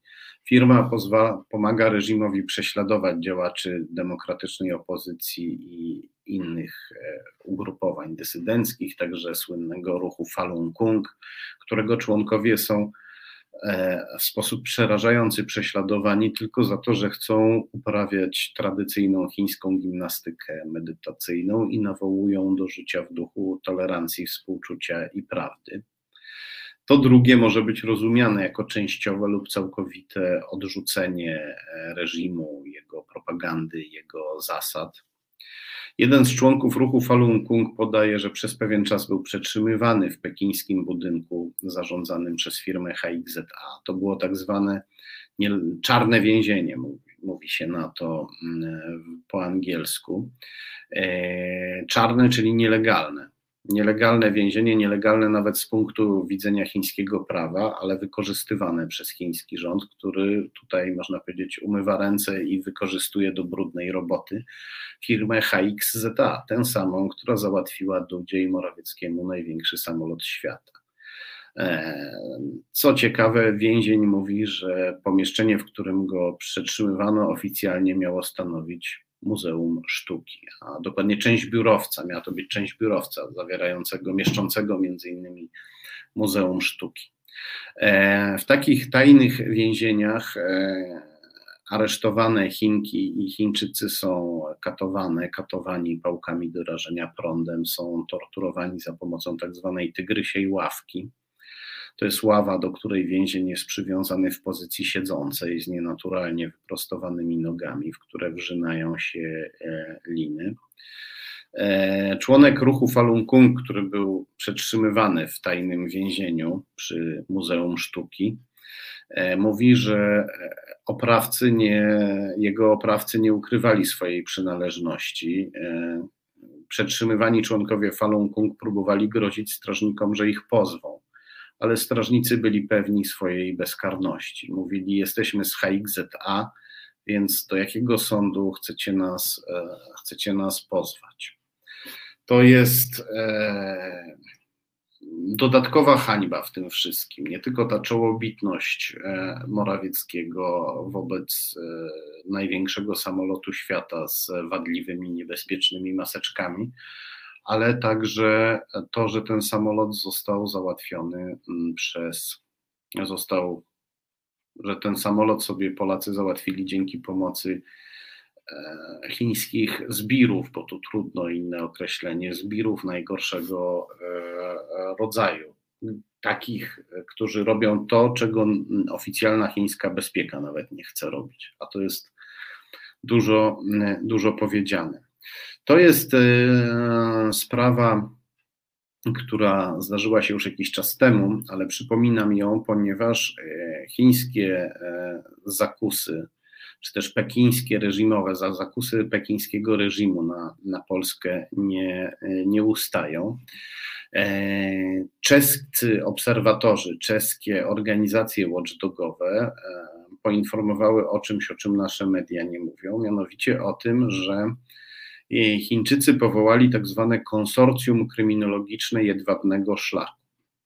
Chodzi o to, że by, chodzi o to, żeby państwa znajdujące się na chińskich szlakach transportowych, czyli wzdłuż tego nowego jedwabnego szlaku, e, zaczęły sobie przyswajać i uwewnętrzniać chińskie standardy prawne i kryminologiczne, a jakie te standardy są, to już wiemy. To jest przetrzymywanie ludzi w tajnych więzieniach, torturowanie, zabijanie.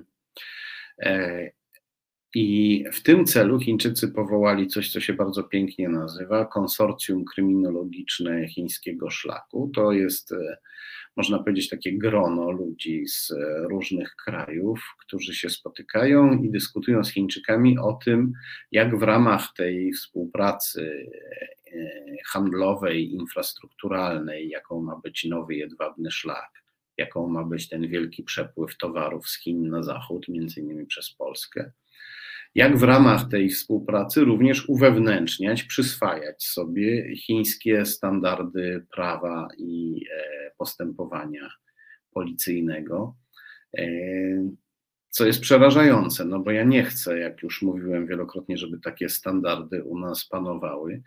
Natomiast Chińczycy uważają, że im bardziej e, będzie, im więcej nie będziemy importować towarów, to tym więcej powinniśmy też importować standardów, praw i obyczajów. I niestety są Polacy, są polscy prawnicy, którzy e, uczestniczą w konsorcjum kryminologicznym Jedwabnego Szlaku. To są ludzie też, którzy wykładają na chińskich uniwersytetach, jeżdżą tam, biorą udział w tej wymianie. Nie wiem, co wykładają e, Chińczykom. Być może e, nie tyle wykładają, co przyjeżdżają, żeby pod pozorami wykładów spędzić w przyjemnych warunkach trochę czasu w Chinach i zainkasować pieniądze, a w zamian za to e, później w Polsce robią co mogą, żeby wpajać e, naszej policji i naszym prawnikom chińskie standardy. To brzmi oczywiście dla nas e, dosyć fantastycznie. Myślimy sobie, no ale jak to? W jaki sposób? Dlaczego nagle polski policjant e, miałby mnie traktować zgodnie z chińskimi standardami? Nawet jeśli ma jakiegoś wykładowcę chińskiego w Szczytnie, czy paru chińskich wykładowców w szkole policyjnej w Szczytnie, prawda? E, mówiliśmy o tym e, dzisiaj, że e, Wyższa Szkoła Policji w Szczytnie podpisała umowę o współpracy z uczelnią chińskiej bezpieki. E, jak to się może przekładać na moją sytuację w Polsce? Każdy z nas może się zapytać. E, widzimy, że policjanci biją ludzi na ulicach, no ale to jest pewnie jakaś nasza rodzima polska brutalność albo słowiańska, importowana może z Rosji. E, Chińczycy pewnie nic do tego nie mają. I ja roz, rozumiem, rozumiem, rozumiem doskonale takie obiekcje i pewnie w dużej mierze tak jest, natomiast nie można tego chińskiego wpływu lekceważyć. Chińczycy będą przekonują nas i będą nas przekonywać, że najpierw powinniśmy stosować chińskie standardy wobec chińskich obywateli, to znaczy, żeby na żądanie chińskiej bezpieki albo firm takich jak HXZA wydawać im chińskich obywateli, pozwalać ich więzić, torturować, wywozić. Potem będą nas przekonywać, e, albo być może równolegle też już nas przekonują, że powinniśmy e, traktować chińskie firmy zgodnie z chińskimi standardami, takimi jak e, powszechna instytucjonalna korupcja i nepotyzm. I być może będą nas przekonywać, że powinniśmy zagwarantować chińskim firmom jakieś przywileje, jakąś bezkarność, jeśli e, chińskie firmy, e, jeśli chcemy, żeby chińskie firmy e, u nas robiły interesy. Potem będą nas przekonywać, że powinniśmy zgodnie z chińskimi standardami traktować tych, którzy próbują utrudnić Chińczykom te kolonialne biznesy, które Chińczycy robią w Polsce i o których mówił politolog Michał Lubina, z którym rozmawialiśmy. I dlatego, mimo że oczywiście wzorce rosyjskie w tej chwili w Polsce są głównym źródłem deprawacji postępującej naszego systemu politycznego i prawnego. Nie można chińskiego e, wpływu lekceważyć. On jest ciągle, może się wydawać marginalny, on na pewno jest sektorowy ze względu na to, że Chińczycy mają w Polsce najpierw interesy biznesowe, a potem polityczne. Jednak trzeba też pamiętać, że e, Chińczycy mają pieniądze, których Rosjanie nie mają. Chińczycy mają wpływ dzięki temu duży na Rosjan i przynajmniej dopóki trwa współpraca chińsko-rosyjska, to e, również Chińczycy tu w Polsce, w tej rosyjskiej strefie wpływów, nadal będą mogli e, bardzo dużo i pod wieloma względami będą bezkarni.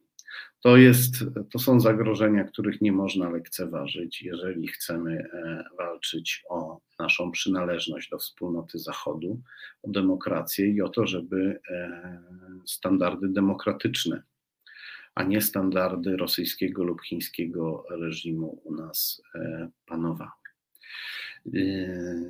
I na tym dzisiaj już zakończymy, jeśli chodzi o kwestie chińskich sieci wpływu w Polsce.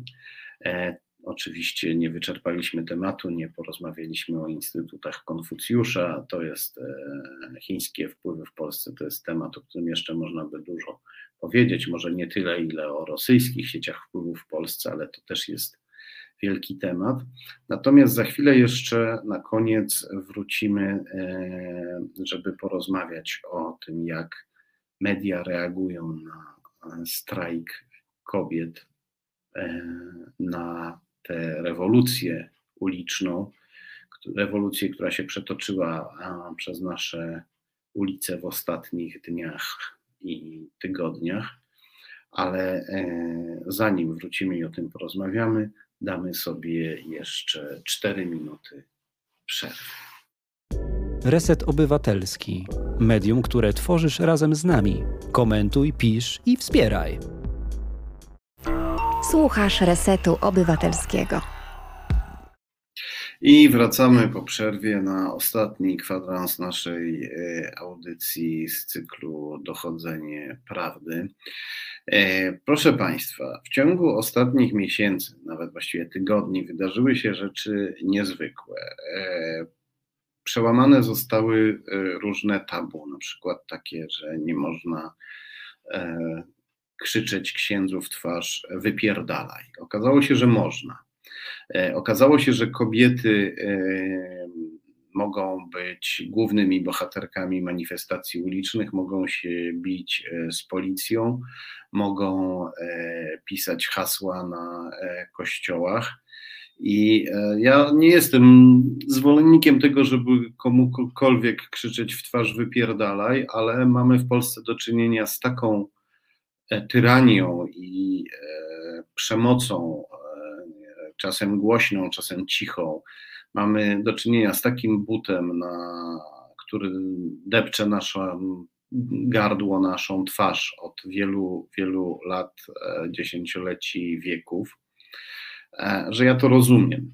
Ja to rozumiem, ja też czuję ulgę. Ja też czułem ulgę, kiedy widziałem, jak młode dziewczyny otoczyły księdza, który próbował je nawracać na antyaborcyjność i krzyczały mu w twarz wypierdala i też poczułem ulgę, kiedy ktoś e, przekłuł opony w e, furgonetce pokazującej kłamstwa na temat aborcji, głoszącej i pokazującej kłamstwa na temat aborcji. To jest niszczenie cudzego mienia, to jest przemoc, ale przemoc, jaka jest stosowana wobec nas wszystkich, a przede wszystkim wobec kobiet od lat, dziesięcioleci, wieków nawet, kiedy nam się wmawia, że istnieje tylko jedna dopuszczalna religia i ideologia, e, ta katolicka, i że jako Polacy musimy z definicji być katolikami, a nawet jeśli nie jesteśmy, to mamy żyć po katolicku i wierzyć w to, co e, wierzą katolicy, albo stosować się do ich wierzeń, chociaż w nie nie wierzymy to jest, e, to jest przerażające, to jest potworne i e, bardzo dobrze się stało, że w ciągu ostatnich tygodni tabu nietykalności, jaką cieszyła się ta organizacja wyznaniowa dominująca w naszym kraju, zostało, zostało przełamane. I e, patrzę sobie na to, co, jak na to reagują polskie media, te niezależne oczywiście, bo o tych pisowskich czy o tych półpisowskich, jak Polsat, e, nie chce mi się gadać w ogóle. I ta reakcja e, zaskoczyła mnie pozytywnie pod tym względem, że e, znacznie mniej symetrystycznego biadolenia nad tym, że jakieś mienie zniszczono albo że użyto brzydkich słów, znacznie mniej tego symetrystycznego biadolenia się pojawiło niż się spodziewałem. Ono się pojawiło oczywiście, ale obawiałem się, że, e, że będziemy słyszeć straszny krzyk, że e, kobiety na ulicach kompromitują opozycję i napędzają PiSowi wyborców tego krzyku było bardzo niewiele i okazało się, jak widzimy w sondażach, że popularność PiS, a przede wszystkim Jarosława Kaczyńskiego spada na łeb na szyję. Okazało się, że trzeba było tupnąć nogą i krzyknąć brzydkie słowo. Ja się z tym zgadzam. Moja perspektywa jest taka, nie wszyscy ją podzielają. E, moja perspektywa jest taka, to jest perspektywa człowieka, który od, 10, który od pięciu lat, pięciu lat, e, E, z małym hakiem. Od pięciu lat e, intensywnie bada e, związki tej władzy z wrogimi Polsce reżimami. Widzę te związki i traktuję tę władzę jak narzędzia wroga, niekoniecznie agenturę, agenturę też, ale nie wszyscy są świadomymi agentami. Niektórzy to narzędzia, jest bardzo dużo można powiedzieć, półświadomych agentów, takich, którzy wiedzą, że służą złej, obcej sile, ale e, nie dopuszczają do siebie tej świadomości, gdzieś ją tam zakopują e, w najgłębszym, e, najgłębszych czeluściach swojego mózgu, przykrywają ją różnymi usprawiedliwieniami, zaduszają w sobie sumienie bardzo skutecznie, także ten głos sumienia jest ledwo słyszalny pozwalam tu sobie na takie psychologizowanie, bo tych ludzi obserwuję e, w sądach e, podczas rozpraw, procesuję się z nimi. Niektórzy z nich mnie pozwali, niektórych ja pozwałem. E, doniosłem do prokuratury na Antoniego Macierewicza też. Prokuratura jednak nie chciała prowadzić tej sprawy. Sąd nakazywał tę sprawę prowadzić, prokuratura umarzała, ja się odwoływałem do sądu, prokuratura znowu umarzała. Tak to wyglądało, mimo że przestępstwo w tym przypadku było, było ewidentne. Widzę tych ludzi, widzę ich e, czasem bezczelność, jak w przypadku Antoniego Macierewicza, przeważnie jednak strach i zakopywanie tego wszystkiego, mm, ale ani bezczelność, ani wykręty przy tej ilości faktów, które poznałem i których większość opublikowałem, nie pozwalają mi traktować tych ludzi inaczej niż jak e, narzędzia wroga, narzędzia wrogiego mocarstwa, wrogich mocarstw, które chcą zniszczyć, które chcą pochłonąć Polskę, rozbić Zachód i zniszczyć demokrację. Dlatego nie mam żadnego problemu z tym, że e, na ulicach krzyczane są brzydkie, brzydkie słowa ale y, oczywiście oprócz takiej ekspresji y, gniewu, potrzebne są też działania y, pozytywno uświadamiające e, i takich bym się spodziewał od polskich mediów. Wczoraj rozmawiałem z moją, rozmawiałem z moją żoną Małgosią, którą bardzo serdecznie pozdrawiam i ona zapytała, zadała takie proste pytanie. Dlaczego e, Polacy ciągle żyją w przeświadczeniu, że e, albo jest katolicyzm i zakaz aborcji, albo jest legalność aborcji i całkowity nihilizm, ateizm, antyreligia i tak dalej. Taką, taką, takie brednie są Polakom wmawiane przez polski kościół katolicki i przez trolli Putina.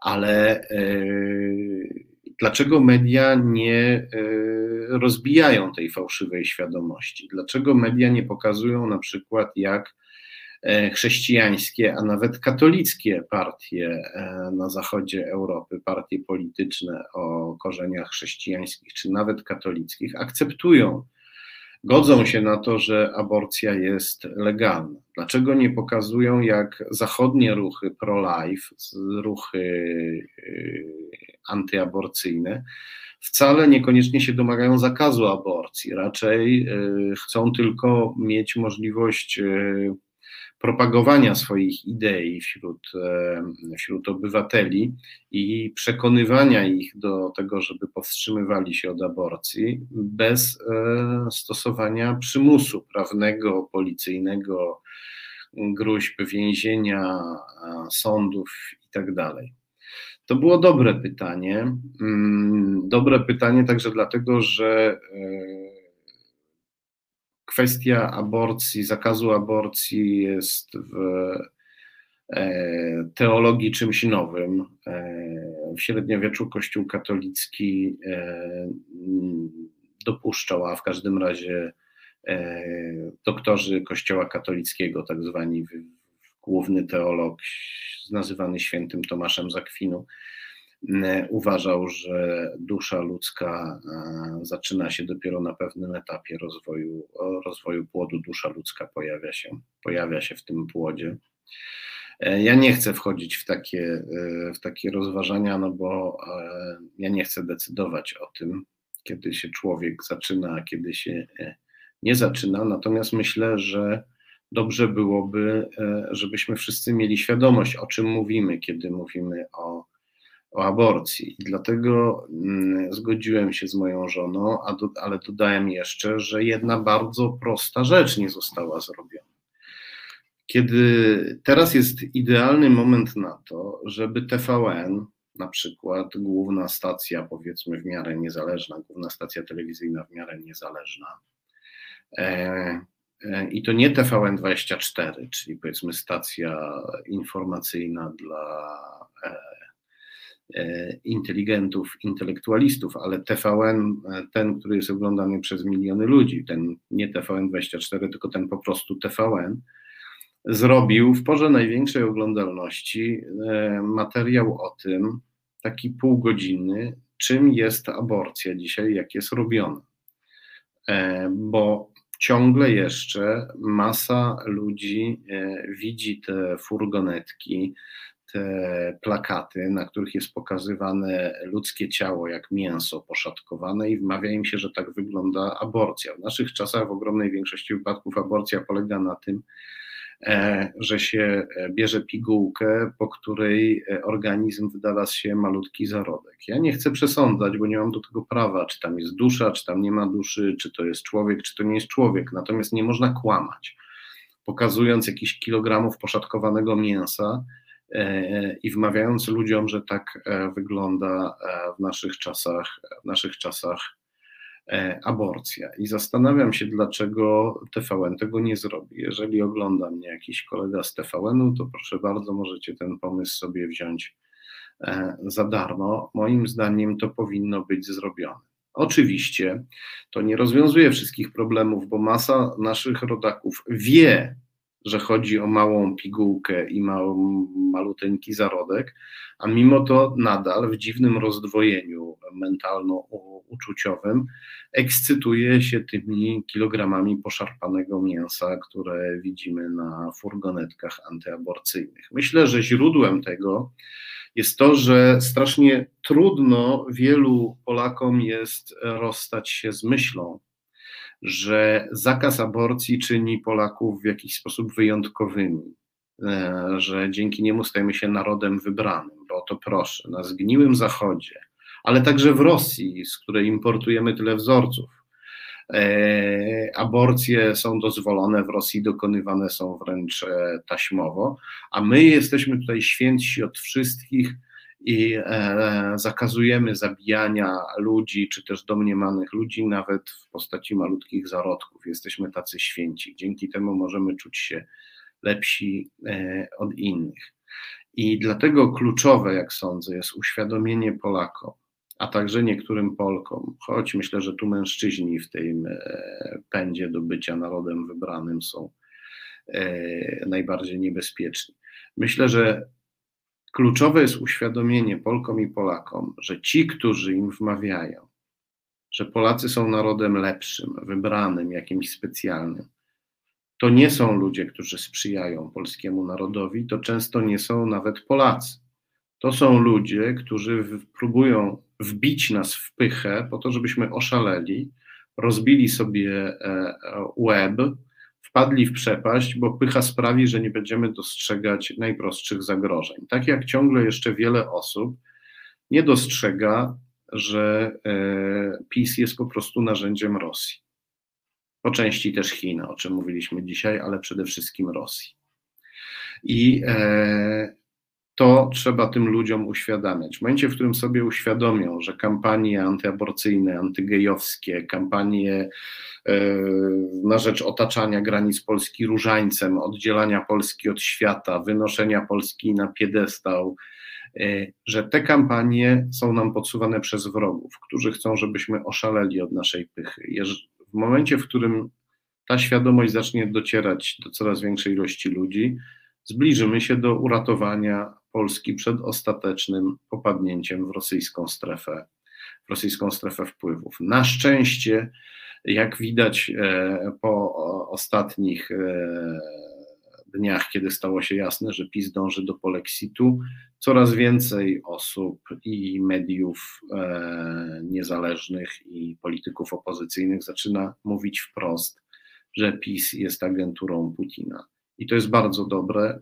To trafia do demokratycznej części opinii publicznej, na razie tylko do niej, ale to jest bardzo dobre, bo to nas, polskich demokratów i polskie demokratki, to nas mobilizuje i jednoczy, ale to też powinno zacząć trafiać do wyznawców PiS. E, wiem, że do nich dotarcie jest o wiele trudniejsze, tym bardziej zachęcam żeby e, rozpowszechniając e, materiały na temat rosyjskiego uwikłania, rosyjskich powiązań PiS, żeby jednak te, mimo trudności, próbować te materiały przekazywać wyznawcom PiS.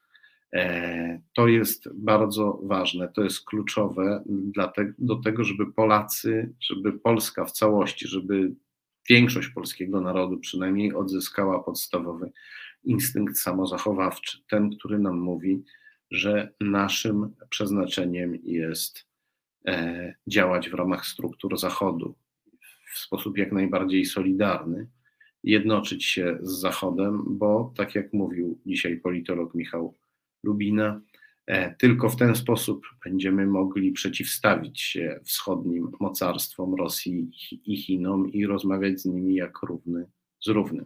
W jedności siła i w Zachodzie siła. Zachód oczywiście nie jest wspólnotą idealną, ma też e, zbrodnie na swoim sumieniu, ale ma też zdolność do e, naprawy i e, dążenia do, do tego, żeby się oczyszczać ze swoich błędów. Oczywiście inne kultury i wspólnoty też nie są od tego wolne, ale Zachód ma dłuższe doświadczenie jeśli chodzi o e, demokrację, dłużej nad mm, wytworzeniem demokracji u siebie, e, u siebie pracował i Zachód ciągle jest jeszcze e, jednym, jedną z najbardziej rozwiniętych cywilizacji, jeśli nie najbardziej rozwiniętą cywilizacją. To cywilizacja, od której się uczymy, do której chcemy przynależeć i w niej możemy, w niej najłatwiej nam będzie e, uzyskać e, siłę, e, wolność i dobrostan. Inne wspólnoty cywilizacyjne nam tego nie oferują w tej chwili, a szczególnie ten, ten blok chińsko-rosyjski, z którym mamy obecnie do czynienia, jest po prostu dla naszej siły, wolności i dobrostanu bezpośrednim E, zagrożeniem. Nie chcę tutaj bezkrytycznie wychwalać Zachodu i jestem przeciwnikiem bezkrytycznego zachodocentryzmu, ale w tej chwili e, inne alternatywy, jakie mamy, są dla nas po prostu gorsze, mówiąc delikatnie. Dziękuję bardzo za uwagę i e, spotkamy się znowu za tydzień.